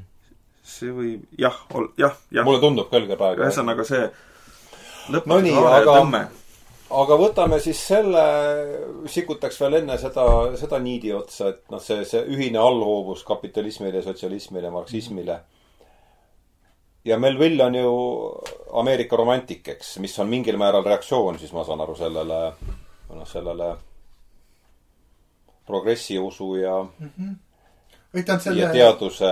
ta käsitleb seda just. ja ta vaat-, üks, ma arvan, teravamatest. Äh, ja suhtub sellesse kriitiliselt, mitte püsti aplodeerides. jah, ja, ja, e, aga tema eesmärk ja, ei ole ühtegi nagu mõttevoolu või käiku maha teha, aga lihtsalt seda tervikut näha et see, mis teeb, näidata, et seda ise näha ja siis seda esile tuua. et see on, mis teeb selle nii võimsaks, ma arvan, ja kirjaniku puhul ka, et, et ta ei ole, Melville ei ole ainult ehe ta on ka Ishmael muidugi, aga ta on palju, kõik need teised kujud ka, võiks öelda nagu tegelikult Mihkel Mutt rääkis paar päeva tagasi nagu väga huvitavalt, et kirjanik on selline lõhestatud isiksus, et, et, et kõik need tegelased, kes ta on loonud, on mingi osa temast. jah, nagu suudab... Karamaasovid on kõik Dostojevskid. jah, võiks öelda, ja siin puhul täpselt samamoodi Melvili puhul, et kõik, ta on loonud nii palju veenvaid ja huvitavaid ja vasturääkivaid no, tegelasi, sellepärast et nad igaühes peita peitub mingi terav. jaa, ta on nagu briljantselt vaadanud inimese hinge. et selles mõttes, kui sa küsisid, et mis, mis lahenduse ta pakub meie probleemidele, siis tegelikult ta näitab seda probleemi kogu kompleksses puntras. et see noh, mingi, mingis mõttes pakub lahenduse, lahenduse William James, aga eks ju, siis on teatavad kirglikud inimtüübid, kes eh, Jamesi välja sülitavad. eks ju, kuna see on liiga leige mm. -hmm. liiga leige ja maine, eks ju. Ini-, ini-, inimhingele võiks öelda argpükslik see on, kes, kes jääb kaldale naise ja laste juurde ja hakkab põldu pidama. mitte ei lähe Leviaataniga võitlema. kes teeb tööd ja loodab, et sellest tuleb tuleb arvestus. midagi, midagi, midagi sellist mm.. noh, see on inimese äh,, kusjuures Chestertonilt tuleb mulle jumala briljantne tsitaat, kus ütleb äh,, Chesterton ütleb nii-öelda kommentaariks William Jamesile, et äh, William Jamesi pragmatism käsitleb vajadusi, aga inimese vajadus on olla enamat kui pragmatist. See väga ilusti öeldud, ja, ja, väga tore. Chesterton. jah, noh, see kes on üldse väga briljantse sõnastusega. võiks öelda, et nagu mis huvitav, üks põhjus, miks mina nagu vaimustun nii väga Melvillist, et, et ta, et ta suudab seda no, maiset, neid maiseid vajadusi, tunge kokku võtta, aga et näha neist. Selle suuremalt, kaugemale. ja et, ja ma arvan, et just see, see mõistmine, et inimene on rohkem ja tahab rohkemat siin elus, kui mingit kasumit saada ja et no, oma eluga hakkama saada et see on väga oluline äh, tähelepanek tema poolest ja et ta selle kaudu näitab mingil määral, kuivõrd halvasti on praegu Ameerikas. kui, kui me oleksime päriselt sellised inimesed, kes tahavad ainult oma, väikest kohta ja hakkama saada, siis, siis võib-olla kogu see Ameerika ideoloogia õnnestuks palju paremini. see on õnnestunud. jah, jah, see inimese suutmatus piirduda tegelikult selle piskuga, et see, see mõõde on nagu alati olemas no seda problematiseerib tegelikult ka Dostojevski, eks ju, kus ja. ütleb, et see on üks kiusatus, tehke kivid leivaks. eks, tehke kivid leivaks, aga ei, Jeesus tõukab selle tagasi.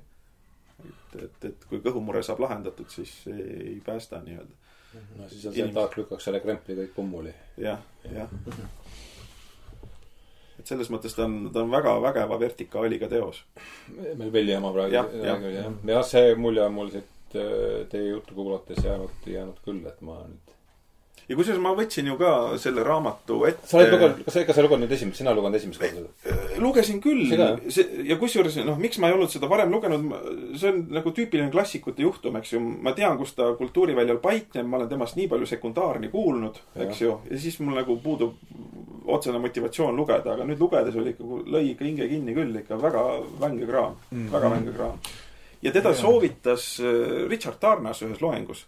Ja ma mäletan jah, sa rääkisid. ta mainis ühe, ühes loengus, eks ju, et äh, see loeng oli Jungist, ütles, et jah, et vahel tõuseb inimeste kuidagi, kuidas ta ütles, kas teadvus või psüühika sellisele tasandile, et luuakse teosed nagu Jungi vastus Hiobile, Nietzsche tragöödia sünd ja Melville Moby ja Dick. nüüd mul tuleb isegi ka see ja siis ma mõtlesin, et ossa, ossa raks, eks ju, sihukeste asjadega pannakse ühele pulgale, et mis asi see on, et siis peab ikka lähemalt vaatama ja, ja on ikka kõva kraam küll, jah me oleme palju teemasid siin käsitlenud, ma arvan, et eks meil oli see usuteema. ja selle juurde tahaks veel tagasi tulla. siis meil oli ka see, no ma rääkisin natuke enda käsitluses merest ja maast ja mis need võiksid tähendada, me oleme rääkinud selle semiootilisest Äh, küsimustest, et kuidas. ja see valevuse peatükk on hästi võimas. sellest ja noh, ja üks teema veel, mille, mida ma mainiksin, mis haakub selle viimasega, on just see jutustaja teema või jutustaja küsimus, et. Et ja see on, ja see on hästi oluline, mitte ainult Moby Dickis, ma arvan, kogu Melville'i loomingus. ma ise olen, noh, kirjutanud ühe avaldamata essee just selle, selle teemal, et, et missugused ja kuidas need jutustajad äh, esinevad Melville'i loomingus. ja et kui suur on nende soov ja kirg öelda, mis päriselt on, see, see tõe küsimus tuleb siit välja mm. -hmm. ja ma, ma võtaksin siit, noh, lihtsalt selle viimase lehekülje siit yeah. romaanist, et see on selline hea koht, et kirjutasin oma bakatöö enam-vähem just selle vii-, no selle mere ja, ja, ja maa küsimuse kohta, aga alustades just sellest viimasest leheküljest, epiloogist mis alustab tsitaadiga Hiobist ja, on? ja ainult mina olen pääsenud rääkida seda teile mm. -hmm. see on see küsimus, et kuidas me, mikspärast me peaksime usaldama seda jutustajat, kes tuleb meie, meie juurde ütleb, et tal on midagi meile öelda, mis on väga oluline. ja mida ta teeb siin, ma arvan, selle viimase leheküljega, et ta, ta, ta räägib selle loo, et äh, selle kohta, et kuidas teda päästeti, sest tema on see ainuke matrus, kes jäi ellu siis Ismael või? siis Ismael, jah ja.. kõik teised hukkusid, kõik said surma. aga siis sellega tekib see väike küsimus, et miks me pärast me peaksime üldse uskuma, mida ta on siin varem meile kirjutanud.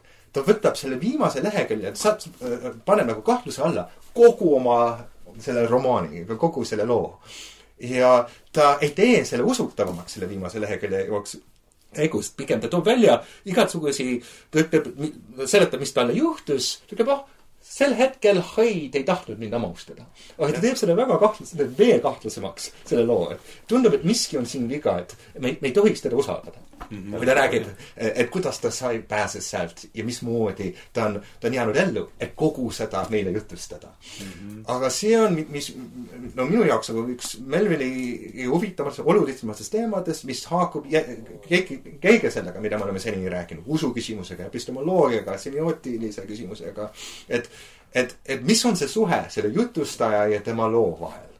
Eks me oleme rääkinud sellest vaalast ja see, see laev, aga siin on see jutt ja see jutustaja. ja et kuidas see jutustaja siin äh, paneb enda jutu kahtluse alla kuidagi sellega, ta näitab, et ta ei ole usaldusväärne mm -hmm. jutustaja. ja Melle hakkab sellega mängima oma järgmistes äh, töödes ka, tal on mitu, kaks väga geniaalset sellist äh, novelli, üks on, üks on Bartleby Äh, ja siis üks Benito Sereno on üks teine. jaa, Barbarist tehti just äh, näidend. see on ka tõlgitud eesti keelde, ma vaatasin, et tõesti põnevad sellised lühi, lühijutud, kui keegi tahab nagu tutvuda Melville'iga, aga ei taha alustada selle suurega. mina, mina ütleksin, see Benito Sereno on see tema kõige võimsam töö üldse. Benito Sereno. jaa, et see on, aga siin on ka, et ta, seal ta mängib kõige paremini sellega, selle jutustaja probleemiga, et kuidas jutustaja räägib meile midagi, et me ei, me, me ei tea, kas me peaksime temasse uskuda või mitte, uskuma või mitte. Tema viimane romaan äh, inglise keeles, ma ei tea, kas see on tõlgitud, see on, see on vähetuntud, aga The Confidence Man on just sellistest mm. inimestest, kes püüab, püüavad teisi petta ja oma jutuga.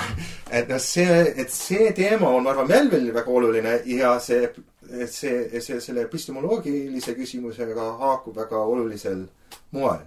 et, ähm, et me elame maailmas, kus me kunagi, me, me, me ei leia sellist äh, maiset kõnepinda, millest rääkida merest. see võiks Moby Dicki keeles selle panna, selle probleemi niimoodi, et, me otsime seda kohta, seda seisukohta, kus me võiksime midagi näha, kogeda ja siis seda edasi anda. aga Melville'i probleem oligi selles romaanis, et kõik, kes on puutunud kokku selle vaalaga, on hukkunud. Nad ei ole jäänud ellu, nad ei saa seda jutustada. teda, on üks peatükk varem ka ühest, no kõige võimsamatest vaalaküttidest, nemad ei nemad kunagi ei jõua maa peale tagasi, nad alati surevad. natuke see Primo Levi on selle võtnud holokausti tõlgendamiseks, just Melvilist. just, just. aga ta võtab selle, ta varastab selle no Melvilist. just see, see, see, et me oleme hukkunud ja päästetud. Need, kes on päriselt kogu, nad on, nad on üle elanud midagi nii hull või, või, või nii õudset. Nemad ja. kunagi ei jõua tagasi. Need, kes jutustavad meile, on need, kes on kompromissi teinud, kuidagi laveerinud aga kes ei ole seda maailma kõige sügavamat tuuma nagu sellega kokku kogenud. kogenud, et nad ei tea, mingil määral nad ei tea, millest nad räägivad. noh, Šalamov tuleb siin ühe, ühe siukse võimaliku, vaata, mis kirjutas Ilona Martson, kas sa seda Ilona järelsõna lugesid? ei ole veel, jah. et, et Ilona ütleb seal, et jah, et Dante, Dante ei käinud põrgus no mis on sama, aga Šalamov äh, ilmselt käis. et see, noh, see haakub lihtsalt ja, sellega, mis, millest sa, millest sa just äh, praegu rääkisid. ja, ja kusjuures siin on üks huvitav metafoor see, mida üks matemaatik küll täheldas, eks ju, et kui oli vaja tugevdada lennukite kereseid, mis, ründelennukite keresid, eks ju, siis nad kõigepealt vaatasid, et need lennukid, mis tagasi tulid, eks ju, kus on tulistatud, panid tähele, eks ju, et tiibades on palju kuuliauke ja sabas on palju kuuliauke ja siis üks matemaatik, sealt tuli idee, eks ju, et siis tuleb tugevdada tiibasid ja sabasid. aga matemaatik ütles, et ei, need on need lennukid, mis tagasi tulid, eks ju. Need, kes mujale pihta said, need jäid sinna. jah, et see noh, et see on selles mõttes, et see, see need, kes, need, need, kes meile jutu, lugu jutustavad no,. see on täpselt sama lugu, jah. jah, neil on augud tuimemates kohtades. see on nii huvitav minu arvates, see epistemoloogiline probleem.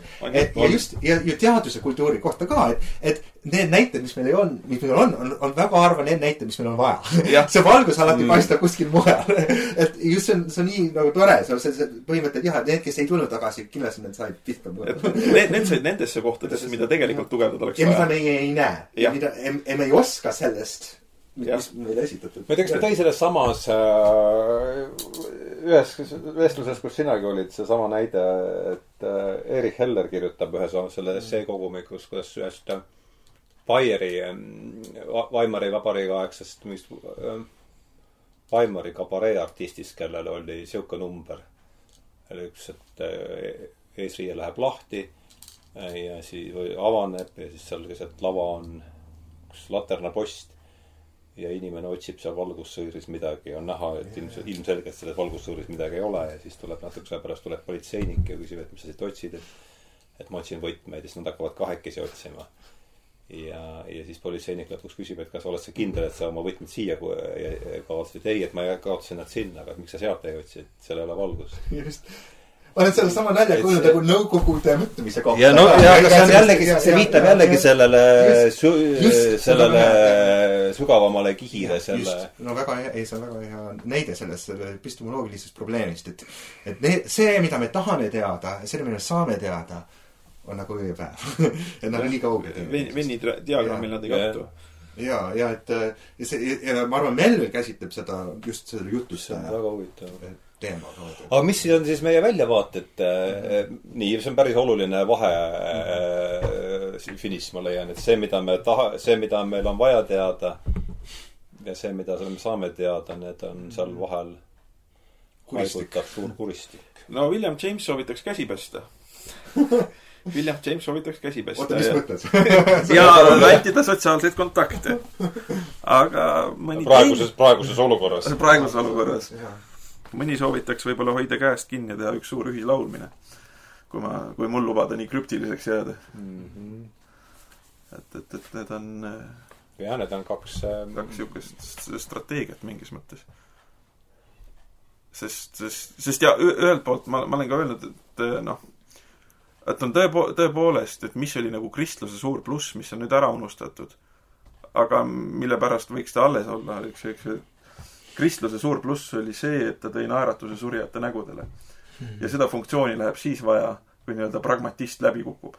kui insener, just, insener läbi kukub, eks ju. see on väga jah, selles, jah, see on hea, jah. jah. no siin me jõudsimegi, oleme, optimism otsa saab.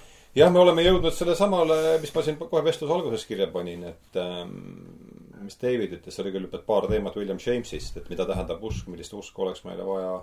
me oleme nüüd sinna jõudnud, et äh, et järsku pühendaks siis nüüd järele jäänud kusjuures vaata, pool tunnikest. James on oma, oleme soojaks ka ennast rääkinud siin. James on oma pragmatismis ka nii haarav, et ta jätab sellele usule ka sellise nurgakese, ütleb, et kui usk mingisse sihukesse asja aitab meil elada, siis ta on selle võrra pragmaatiliselt tõene, eks ole, pragmatistlikult tõene. just, ega William- see on ju, tuletame meelde, et William Jamesi raamatu nimi on religioosse kogemuse mitmekesisus või usu eesti keeles on ta usulise kogemuse. usulise kogemuse mitmekesisus. Ja praegu ma võib-olla jätsin ka Jamesist sa pisendava jätsid mulje. natuke pisendava sest James on, jah, aga ma olen ise väga suur Jamesi austaja. seal on ikkagi rohkem kui kätepesu on. ja, ja, ja et see oli, see oli natuke pisend-, pisendav. sest noh, Jamesi usulise kogemuse mitmekesisus on tõesti väga suurepärane raamat on. ja James on üldse ise väga, väga, väga avar mõtleja. ja ma vaatasin äh, suure kiiruga nüüd tema, üks on mul mingi mahukas William Jamesi biograafia, et palju seal Melvilli märks, noh, seal elektrooniliselt saab ja seal oli päris palju oli Melvilli nimi jooksis läbi, ma ei jõudnud küll kahjuks äh, lugeda, aga et see huvitaks mind teada, mida, see on, Ma mida ta sulle- tsiteeris. ma saadan sulle pärast ei need oleks, see on, ei see on väga huvitav. jah, sest ta oli ikka natuke hiljem, James suri tuhat üheksasada kümme, nelikümmend neli. aga jah, ütleme siukse Ameerika ja, ja Ameerika meelelaadiga on David, David Ilmaril meil, David Ilmaril meil äh, rohkem kokkupuuteid kui sina ei ole üldse Ameerikas käinud vist. ei, mina olen seal mõnda aega elanud, aga et mulle tundub, et need kaks giganti ikkagi, tutvus nendega peaks aitama kuidagi Ameerikast äh, aru saada. Aru saada. jah, vot seda on Spenglerile õigusega ette heidetud, et kui ta tegi oma õhtumaa languse, siis ta lihtsalt unustas Ameerika ära. eks ju, kantis kõik suured tsivilisatsioonid. aa, mingi Ameerika. eks, et see on ka olemas siin kuskil. aga nojah, ma tuleme siis tagasi siin, et et see on päris ma ei ole seda siiani sõna, niimoodi sõnastatuna kuulnud, juba seepärast on see vestlus korda läinud, et et see, mida me teada saame ja see, mida me, selle vahel, mida me teada saame ja selle vahel, mida teada on vaja. mida teada vaja, haigutab suur epistemoloogiline kuristik. jah. ja me oleme üritanud seda siin viimased kaks ja pool tuhat aastat ja, ja, ja, ja, ja poolteist tundi juba nagu võinud seda lahti rääkida praegu ka aga ma ütleksin nagu vahel, et et üks et väga sageli viimasel poole aasta käigus olen kutsutud esile, et, et, et kaitsta humanitaarteadust et mm ja just nagu looduse teaduse vastu natuke, mitte, või mitte selle vastu, aga öelda, et humanitaarteadusel on ka mingi roll ja mingi olulisus. just viimati nagu Tartus selle ERM-i probleemidega ja rahastusega on see, see küsimus väga sageli äh, kerkinud esile, et, et, et mis need humanitaar- ja sotsiaalteadlased üldse teevad, et me peaksime neid toetama, et kui nad ei suuda oma projektide kaudu taotleda raha, et kas meil on neid vaja. ja ma arvan, et, et see, mida me just käsitlesime, on osaliselt vastus nüüd sellele teisele küsimusele. et, et just, et, et, et see humanitaarteadus on just see vestlus, nagu me mida me peame praegu, selle kohta, mis need suuremad tähendused või kuidas see mõõdetav maailm, mainemaailm, suhestub selle meremaailmaga, see, mis, mis, mis, mis jääb välja meie no see tegelikult annab sihi. siin ja, ja seal, jutt on siin- ja sealpoolsuse vahekordadest, eks ole, nii just, vähe kui mina sellest aru saan. aga no vaatame siis ähm, loodusteadused õpetavad meid eh, tõhu, tõhusamalt käsi pesema, siis kui me seda kujundiga juba jätkame, aga ma saan aru, et humanitaar ja ma arvan, see teadus on siin jällegi niisugune eksitav. eksitav sõna võib-olla. jah, et, et see peaks siis, see peaks aitama meil siis sellele kui ikka minekuhetk, minekuhetk on ikkagi aitama kuidagi naeratuse tuua näole, sest no lõpuks on ju see no, ma räägiksin pigem mitte, võib-olla isegi naeratuse nä- no ma lihtsalt haarasin, haarasin sellest kujundist kinni. see on väga hea ja ma arvan, et võib-olla see on väga heas mõttes ka William Jamesi eesmärk, et teha nagu elu, noh, Freudi eesmärk ka, elu talutavaks, mitte, mitte, mitte inimesi õnnelikuks tingimatult, aga lihtsalt aidata neil hakkama saada sellega, mis on antud. kõik, aga, aga mis Melville pakub välja, on, et võib-olla inimene ei otsi õnne, ta otsib tähendust. ja see, ja see tähendus võib olla õudne hull, aga see on iseenesest võib-olla piisav, et anda ta, tema elule sisu. jah, noh, see on, see tuleb Nietzsche, kusjuures ta ütleb Nietzsche, seda lõpu, lõpus ju üsna välja ka jah, et et just kannatuses on mingi suurem tähendus ja miks inimene valib ja. seda, see on tegelikult väga sügav ja korduv motiiv. noh, Jordan Peterson on sellele üles ehitanud ennast palju, no Kristus tervikuna mingis ja. mõttes ju. kõige suuremad mõtlejad nagu jah, on tähend-, et tähendusrikkus on olulisem kui, kui õnn ja Jamesil on see loomulikult ka. kui sul on tähendust, siis äh, kannatad välja ükstapuha millise kuidasi, eks ju. jah, see on see Nietzsche, Franklin, Nietzsche elulause, jah. Franklini logoteraapia on sellesse üles ehitatud. eks ju, see, kes holokausti üles elas. kus ta, tema ütles praktiliselt, ta tõi selle välja, et need, kellel tähendust ei olnud, need surid nagu kärbsed. ja need, kellel oli, eks ju, need suutsid äh, ennast ka holokaustist läbi vedada, umbes no seda nad otsivad ju mõlemad, nii James kui, kui Melville, ma kujutan ette. jaa, jaa. ma ütleks, siin on see suur erinevus ikka, et, et Jamesi rõhuasetus on teine, teine, jaa. et just, mida me tõime esile selle, selle viima-, viimaste kolme peatüki tõlgendamisel. et kui Ehab pöördub taga, Ehab läheb edasi, see on nagu väga, väga suur Melville'i valik, minna edasi ka. James pöördub tagasi ma, äh, maale. jah, et tema eesmärk on leida neid lahendusi kuidas hakkama saada. Ja see on, selles mõttes ta on võib-olla kasulikum. Äh, et ta pakub lahendusi, aga, aga mis nagu võib-olla mind on alati rohkem huvitanud küsimusi ja probleemid kui lahendused. ja mulle tundub, et Melville on selle, selle, selle külje alt vähemalt nagu sügavam. Jaa, Melville ei lase unustada olulisust, olulist. ja on vaja, et on keegi ühiskonnas, kes võiks seda kõik välja tuua. isegi kui me ise otsustame, et, et, et see mingi mugav elu on, on meie tal on ikka, tal on ikka sihuke jäme kuuesaja leheküljeline näpp mm. -hmm. aga ma, minu jaoks vähemalt seda lugedes, ükskõik kui masendav need, need hetked võivad olla, et see, ma tunnen ennast täis nagu elujõudu pärast seda, et, et ma tahan nagu teha, tegutseda, ma näen oma no enda elus mingit mõtet. ja väga sageli, kui ma osalen mingis meelelahutuses, ma kaotan selle hoopis kui ma kuulen, see on huvitav, et inimesed on väga erinevad, aga mulle vahel just selles mõttes traagiline, traagika ja traagilised olud ja jutud mõjuvad palju innustavamat kui mingisugused ilusad jutud, et kuidas keegi sai ilusti ja hästi hakkama ja no siis sa oled, nagu Nietzsche ütles, eks ju, tragöödiakultuur peab selle, saab, noh, sa, peab võitma selle lollaka tehnoloogilise optimismi. sest ja. see tehnoloogiline optimism ei saa võita. sest eks ju, noh, siis on nagu tragöödiakultuur tragöödia võidab selle, eks ju, tragöödia on tal mingis mõttes teispool head ja kurja, aga ta on positiivne ja elujõudu süstib, jah. elada, elada tra-, tragöödiliselt mingis mõttes. see on nagu kuidagi üle, ülevus ja sealt tulevad sellised mõõtmed sisse. ja võiks öelda nagu, et maailma ajaloos ka, et hetked, mis on väga hästi läinud, kus kõik on tavaliselt just need enne mingit väga suurt äh, Jampsi, no, jama, jah. enne, kui me, me mõtleme, mis oli nagu Euroopas olemas enne esimest maailmasõda, kõik olid nii tödinud sellest nagu heaolust, mis on, oli tekkimas. et, et see tunne, et meil, et meil on piisavalt kõigest, majanduslikult kõik on hästi, ja siis hakkavad luuletajad kirjutama, mis annab elule tähendust et me hüppame sõtta, äkki me leiame uuesti midagi, mis annaks meile nagu jaa, kusjuures suhteliselt rõõmuga mindi rõõmuga mindi sõtta. pärast sai, saadi aru, kui, kui hull see on, aga selline ainult nagu heaolule keskendumine võib ka viia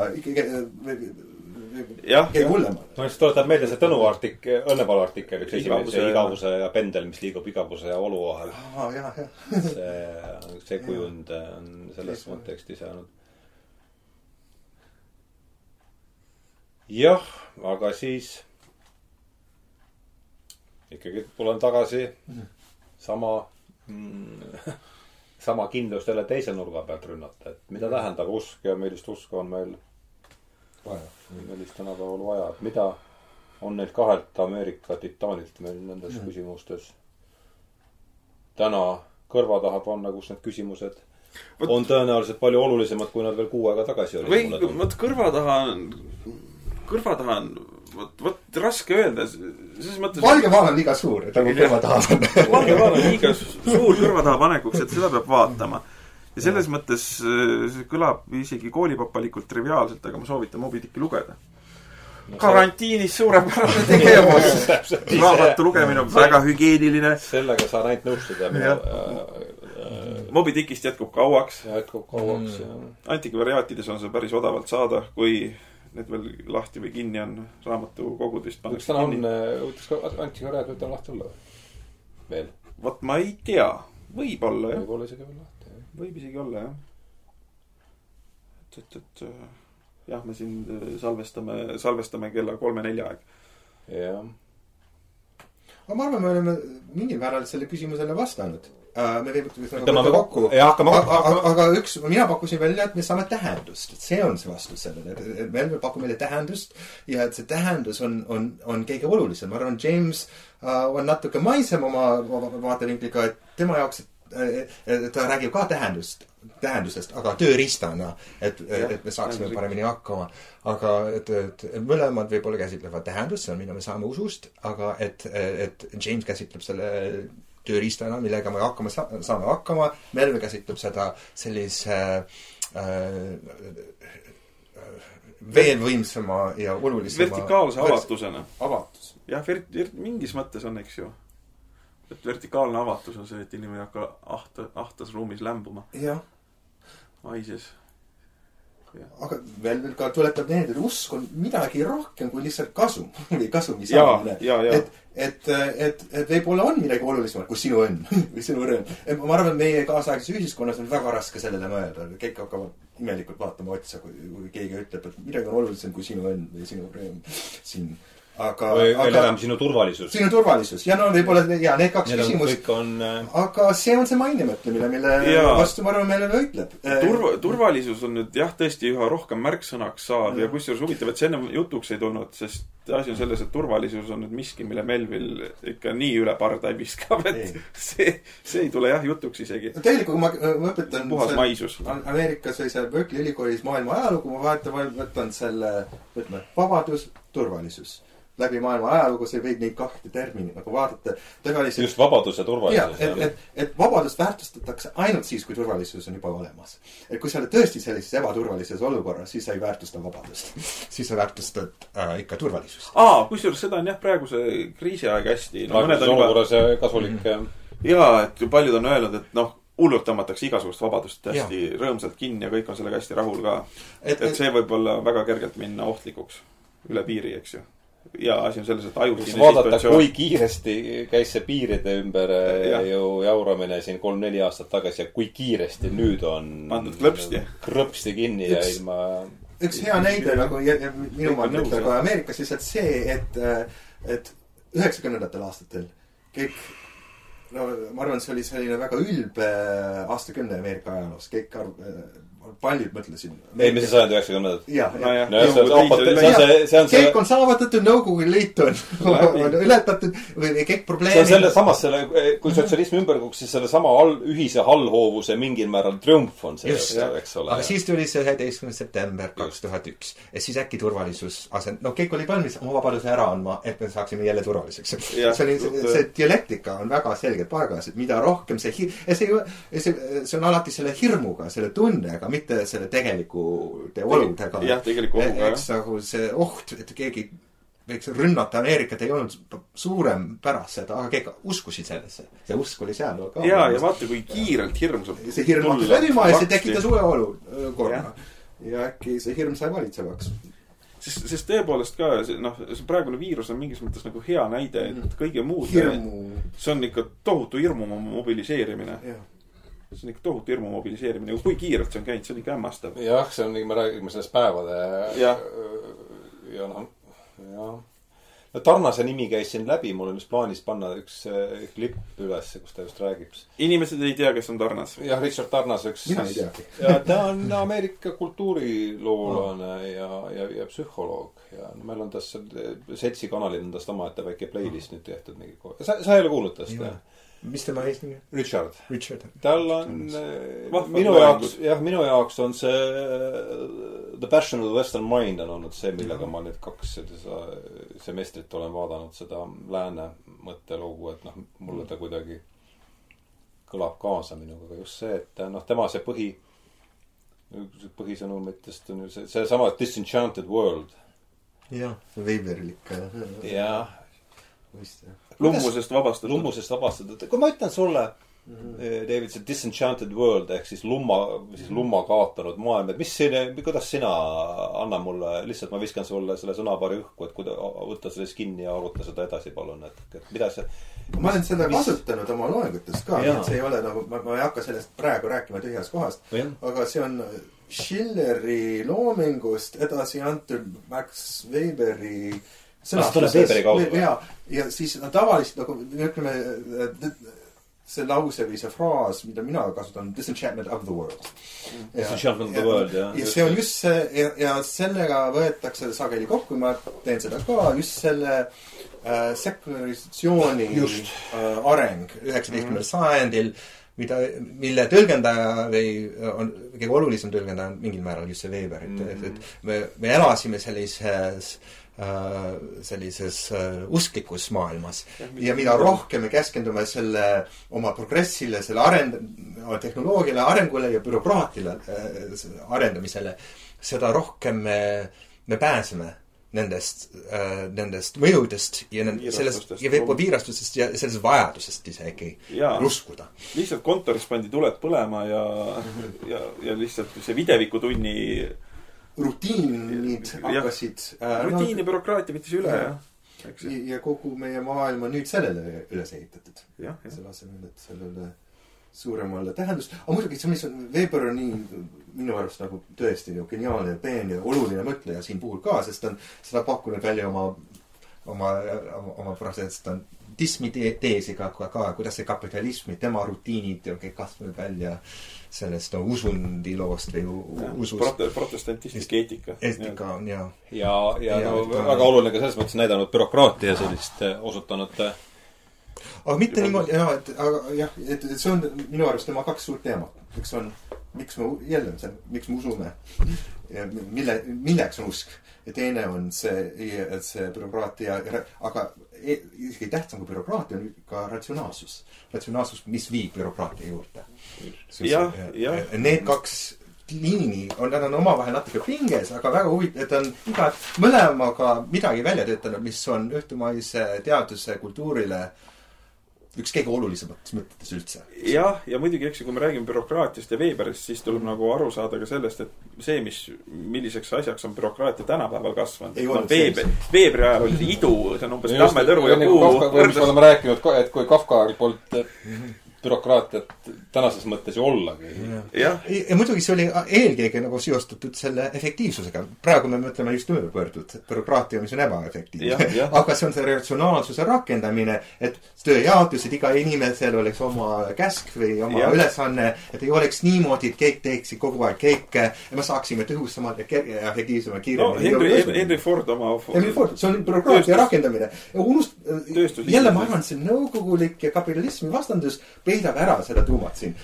ma arvan, et see on üks olulisemaid asju võib-olla. sellepärast kapitalistlikus tööstuses on ka bürokraatia, et see on nagu igal tasemel selle, et, et, et, et, et sa ei tohi oma juhti no küsimärgi alla sätti, äh, sättida, sa ei saa kogu aeg öelda, et kas me teeme õigesti kui sul tuleb käsk, sa teed ära, kas sa töötad riigi poolt või sa töötad mingi firma poolt. et see on nagu, see on jälle muidugi, mis Melvin näitab väga hästi selles raamatus, et see on nagu firma siin see mingil määral, see võib olla riik, see võib olla firma, see võib olla rahvus, aga nad kõik jälgivad sedasama loogik- ja loogikat. jah, et, et, et jah, selles mõttes huvitav ja kusjuures Kunder ütleb ühes kohas väga huvitavalt, et et mingi tendents, mis ähvardab kasvada väga suureks ja lämmatavaks, et see torkab silma eelkõige oma algushetkedel. ja ta toob täpselt selle Kafka näite, näite mm., et see bürokraatia, mis Kafka ajal oli, on köki-möki võrreldes sellega, mis praegu on ta toob seal veel ühe näite ühest, see oli vist mingi jutustuslärm või lausa romaan, kus üks inimene üritab lärmi eest põgeneda, sest tänavale oli ilmunud auto, üks auto.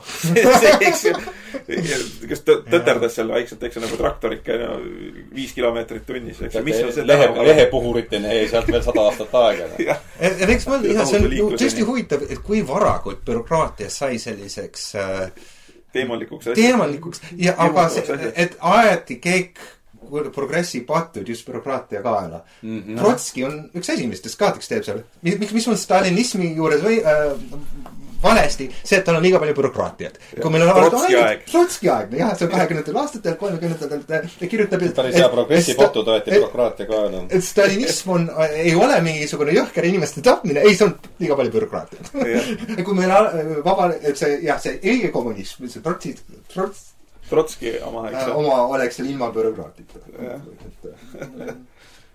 huvitav, just samamoodi siis kapitalismis või siis läänemaailmas öeldakse, ah, meil on liiga palju bürokraatiat ja see on kuidagi sotsialismist pärit. noh, võib-olla on, võib-olla ei ole, aga kui me ainult vabaneksime sellest, siis oleks see õige värk. ja neoliberalism võiks öelda, ongi sellele nagu, sellele suunatud, et see mõtlemine. igaüks vastutab iseenda eest. Kapteni kokkuvõte. Kapteni kokkuvõte, eks selle selle raamatu kontekstis kõlab ta päris. ma mõtlesin mõne edasi mõelda, mis tuleb järgmiselt või mis on see, jah, või mis on nüüd äh, järgmiseks äh, projektiks või äh, intervjuuks või jaa, seda võiks, mis, kus, väga, väga hea küsimuse püstitus, millega siit edasi minna kuidas Hemingway, see vanamees ja kas seal on mingeid viiteid äh,? ma ei arva. no ma ei tea ka, ma ei ole kindel, ma ei ole sellele. aga no ma mõtlesin, et Ameerika kirjanduses võitlus loodusega on selline läbiv punane niit, et, et sellega võiks nagu võtta kokku ka Ameerika kirjandust, et ja, ja. igas ühes on oma moel äh, mingil määral see küsi-, et see on üks tee, kuidas natuke eristada äh, Euroopa kirjandust, Ameerika kirjandust, kui otsitakse neid nippe, üks on see, et, et see loodus ja inimese vaheline võitlus on alati, ma arvan, väga sageli kõrgemal või olulisem kohal kui see inimkonna sisemine konflikt. jaa, sest Euroopa oli juba nii linnastunud. linnastunud jaa, et see on huvitav, kuidas vot nagu... siin on jälle, kus Tõde ja õigus on oma mm. esimese osaga eriti, on Ameerikale lähemal. jah just, eks ju, sest see on võitlus maaga. jah, võitlus maaga. Hampson. soodega, jah, ja Hampson. muidugi see on see, Faust on ka see soodega võitlemine. see soode episoodi ma ei mäletagi sealt. see on see Fausti lõpust. no kui Faust hakkab ehitama, ta tahab päästa seda maad, teha selle kasulikuks inimesele. teha selle nagu, et kui Melvili keeles oleks teha selle meremaa mingisuguseks maamaaks. aga. merelt tagasi võita. merelt tagasi võtta, tammid ette, eks ju mm.. tammide ehitus. Tammsaarel on soo kuivendamine. kuivendamine, jah lõpus lastaksegi alla. Tammsaares on muidugi ring täis, eks ju.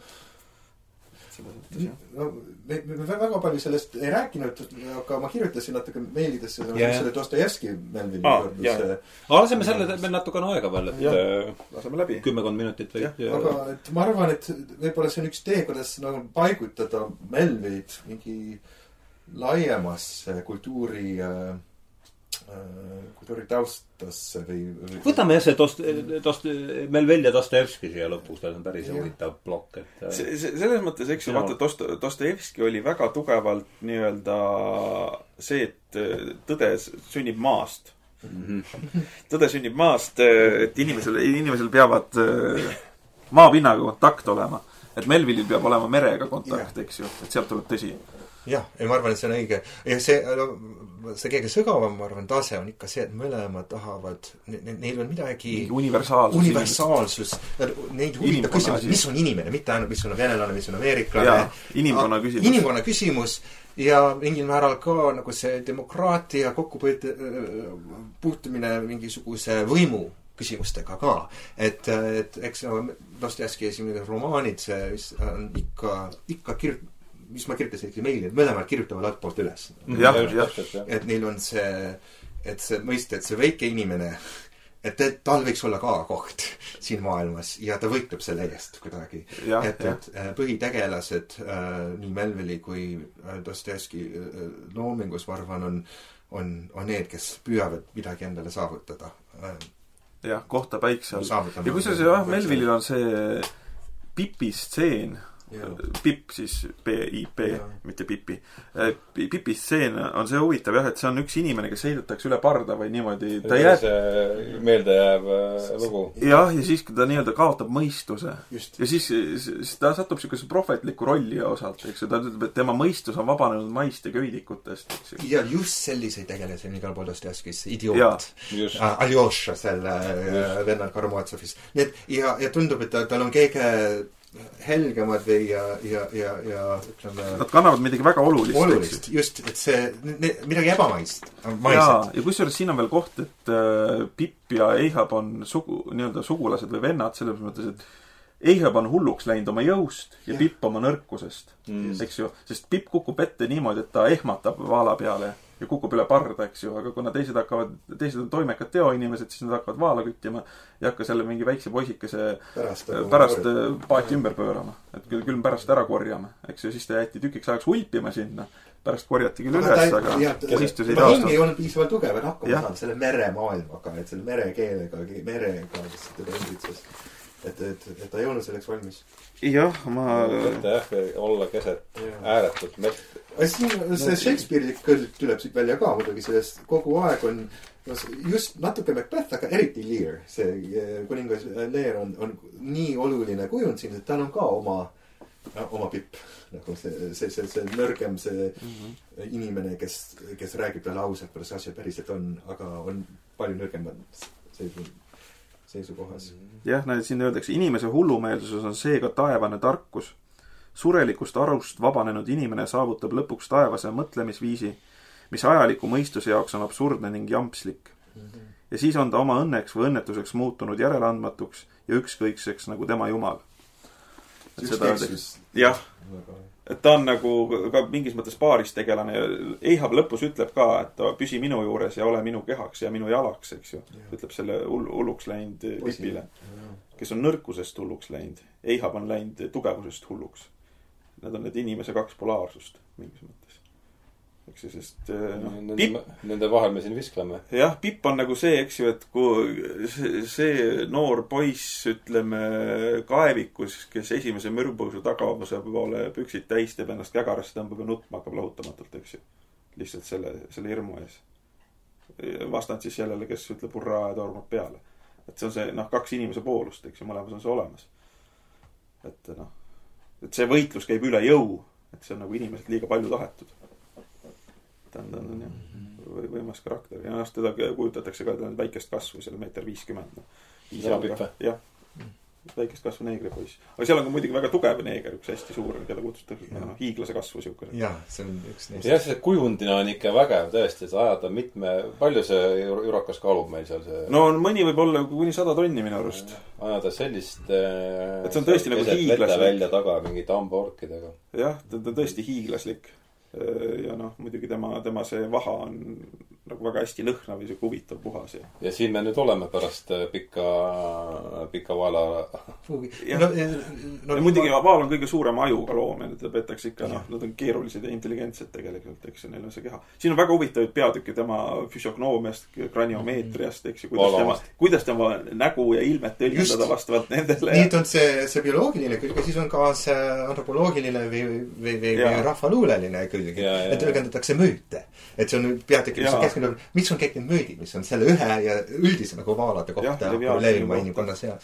ja võiks nagu ise võib-olla siin lõpus nagu tulla tä- täiesti tagasi algusesse, et kuidas ta alustab selle romaani mitte mingisuguse sellise, ta nimetab selle etümoloogiaks. lihtsalt võtab tsitaate igalt poolt. jah. Ja Vaala kohta. ja Vaala kohta siit ja sealt. õige mitu lehekülge on seda. paarkümmend lehekülge. paarkümmend lehekülge äh,. paarkümmend lehekülge motosid. kust on nad? pärit? Prantsuse kirjanikust Rabelaisist nagu kuueteistkümnendast sajandist. Edmund Burke, kus Baconist on siin. Hamletist, Shakespeare'ist äh,, Plut-, Plutarkosest, siis on, siis on igasugust, no Hio-, Hiobi tsitaadid. Mooses, Taaveti lausab, Jeesaja raamat. Ameerika president Thomas Jefferson on siin ka et ta on selle entsüklopeediline nagu aspekt Jaa. tuleb siit väga hästi äh, esile, et Jah. et ta on lihtsalt võtnud kõiki neid tsitaate igalt poolt, kus on nagu mainitud ja räägitud. isegi lingvistiline hetk ka, kus ta, ta lihtsalt toob välja, kuidas on igas keeles sõna vaal. Jaa. ja, ja ta mängib sellega, et on neid keeli, kus see H on olemas ja neid Ja, keeli, ja, kus ei ole. Mis see peidetud või kadunud H tähendab. Et, et ta valmistab meid ette sellise filosoofiliseks pikad setoloogilised ehk vaalateaduslikud ekskursid on siin. Näiteks jah. et selles mõttes on tõesti vägev raamat. nojah, aga kas siis tõmbame praegu joone alla või? nagu kapten ütleb, jah, et äh, karantiini ajaks sobib heaks. suure, suurepärane lugemine karantiini suurepärane ajaks. lugemine jah, et mõelda järele, kuhu see, siin on ülevust, kuhu see vaalaretk meid ja praeguseks hetkeks siis viib jah. ja üks meist ütleb siis, ainult mina olen pääsenud, et rääkida seda teile nagu Hiro. jah, pärast karantiini. jah. see vihje Hiiobi raamatule võib olla ka päris äh, võib-olla asjakohane, võib-olla mitte. raputame tuhka pähe ja kratsime potikilluga oma paiseid. jah. Aga mm, oli siis suur rõõm, kõigepealt täname siis Mihklit, kes võimaldas oma elutuba seda selleks äh, minu naise kujundatud suurepärast fuajeed. jah, selleks jutuajamiseks, milleks, mis äh, oleks muidu saanud toimuda, et äh, ma usun, et kõigi osalejatel oli see tuju tõskvaks episoodiks ehk. ja, ja tänan teid siis osalemast selles minu jaoks väga huvitavas vestluses, Mihkel Kunnus, David Ilmar Beecher ja tänan teid kuulamast, ei tea, kuhu see täpselt jõuab, loodetavasti vähemalt meie mm, siis seltsi eh, Youtube'i kanalile, võib-olla mujale veel, aga aga sinna peaks ta kindlasti jõudma, nii et tänan kuulamast ja tänan tulemast ja aitäh. ja head rõõms-, jaksu ja rõõmsat meelt, mis muud oskame öelda.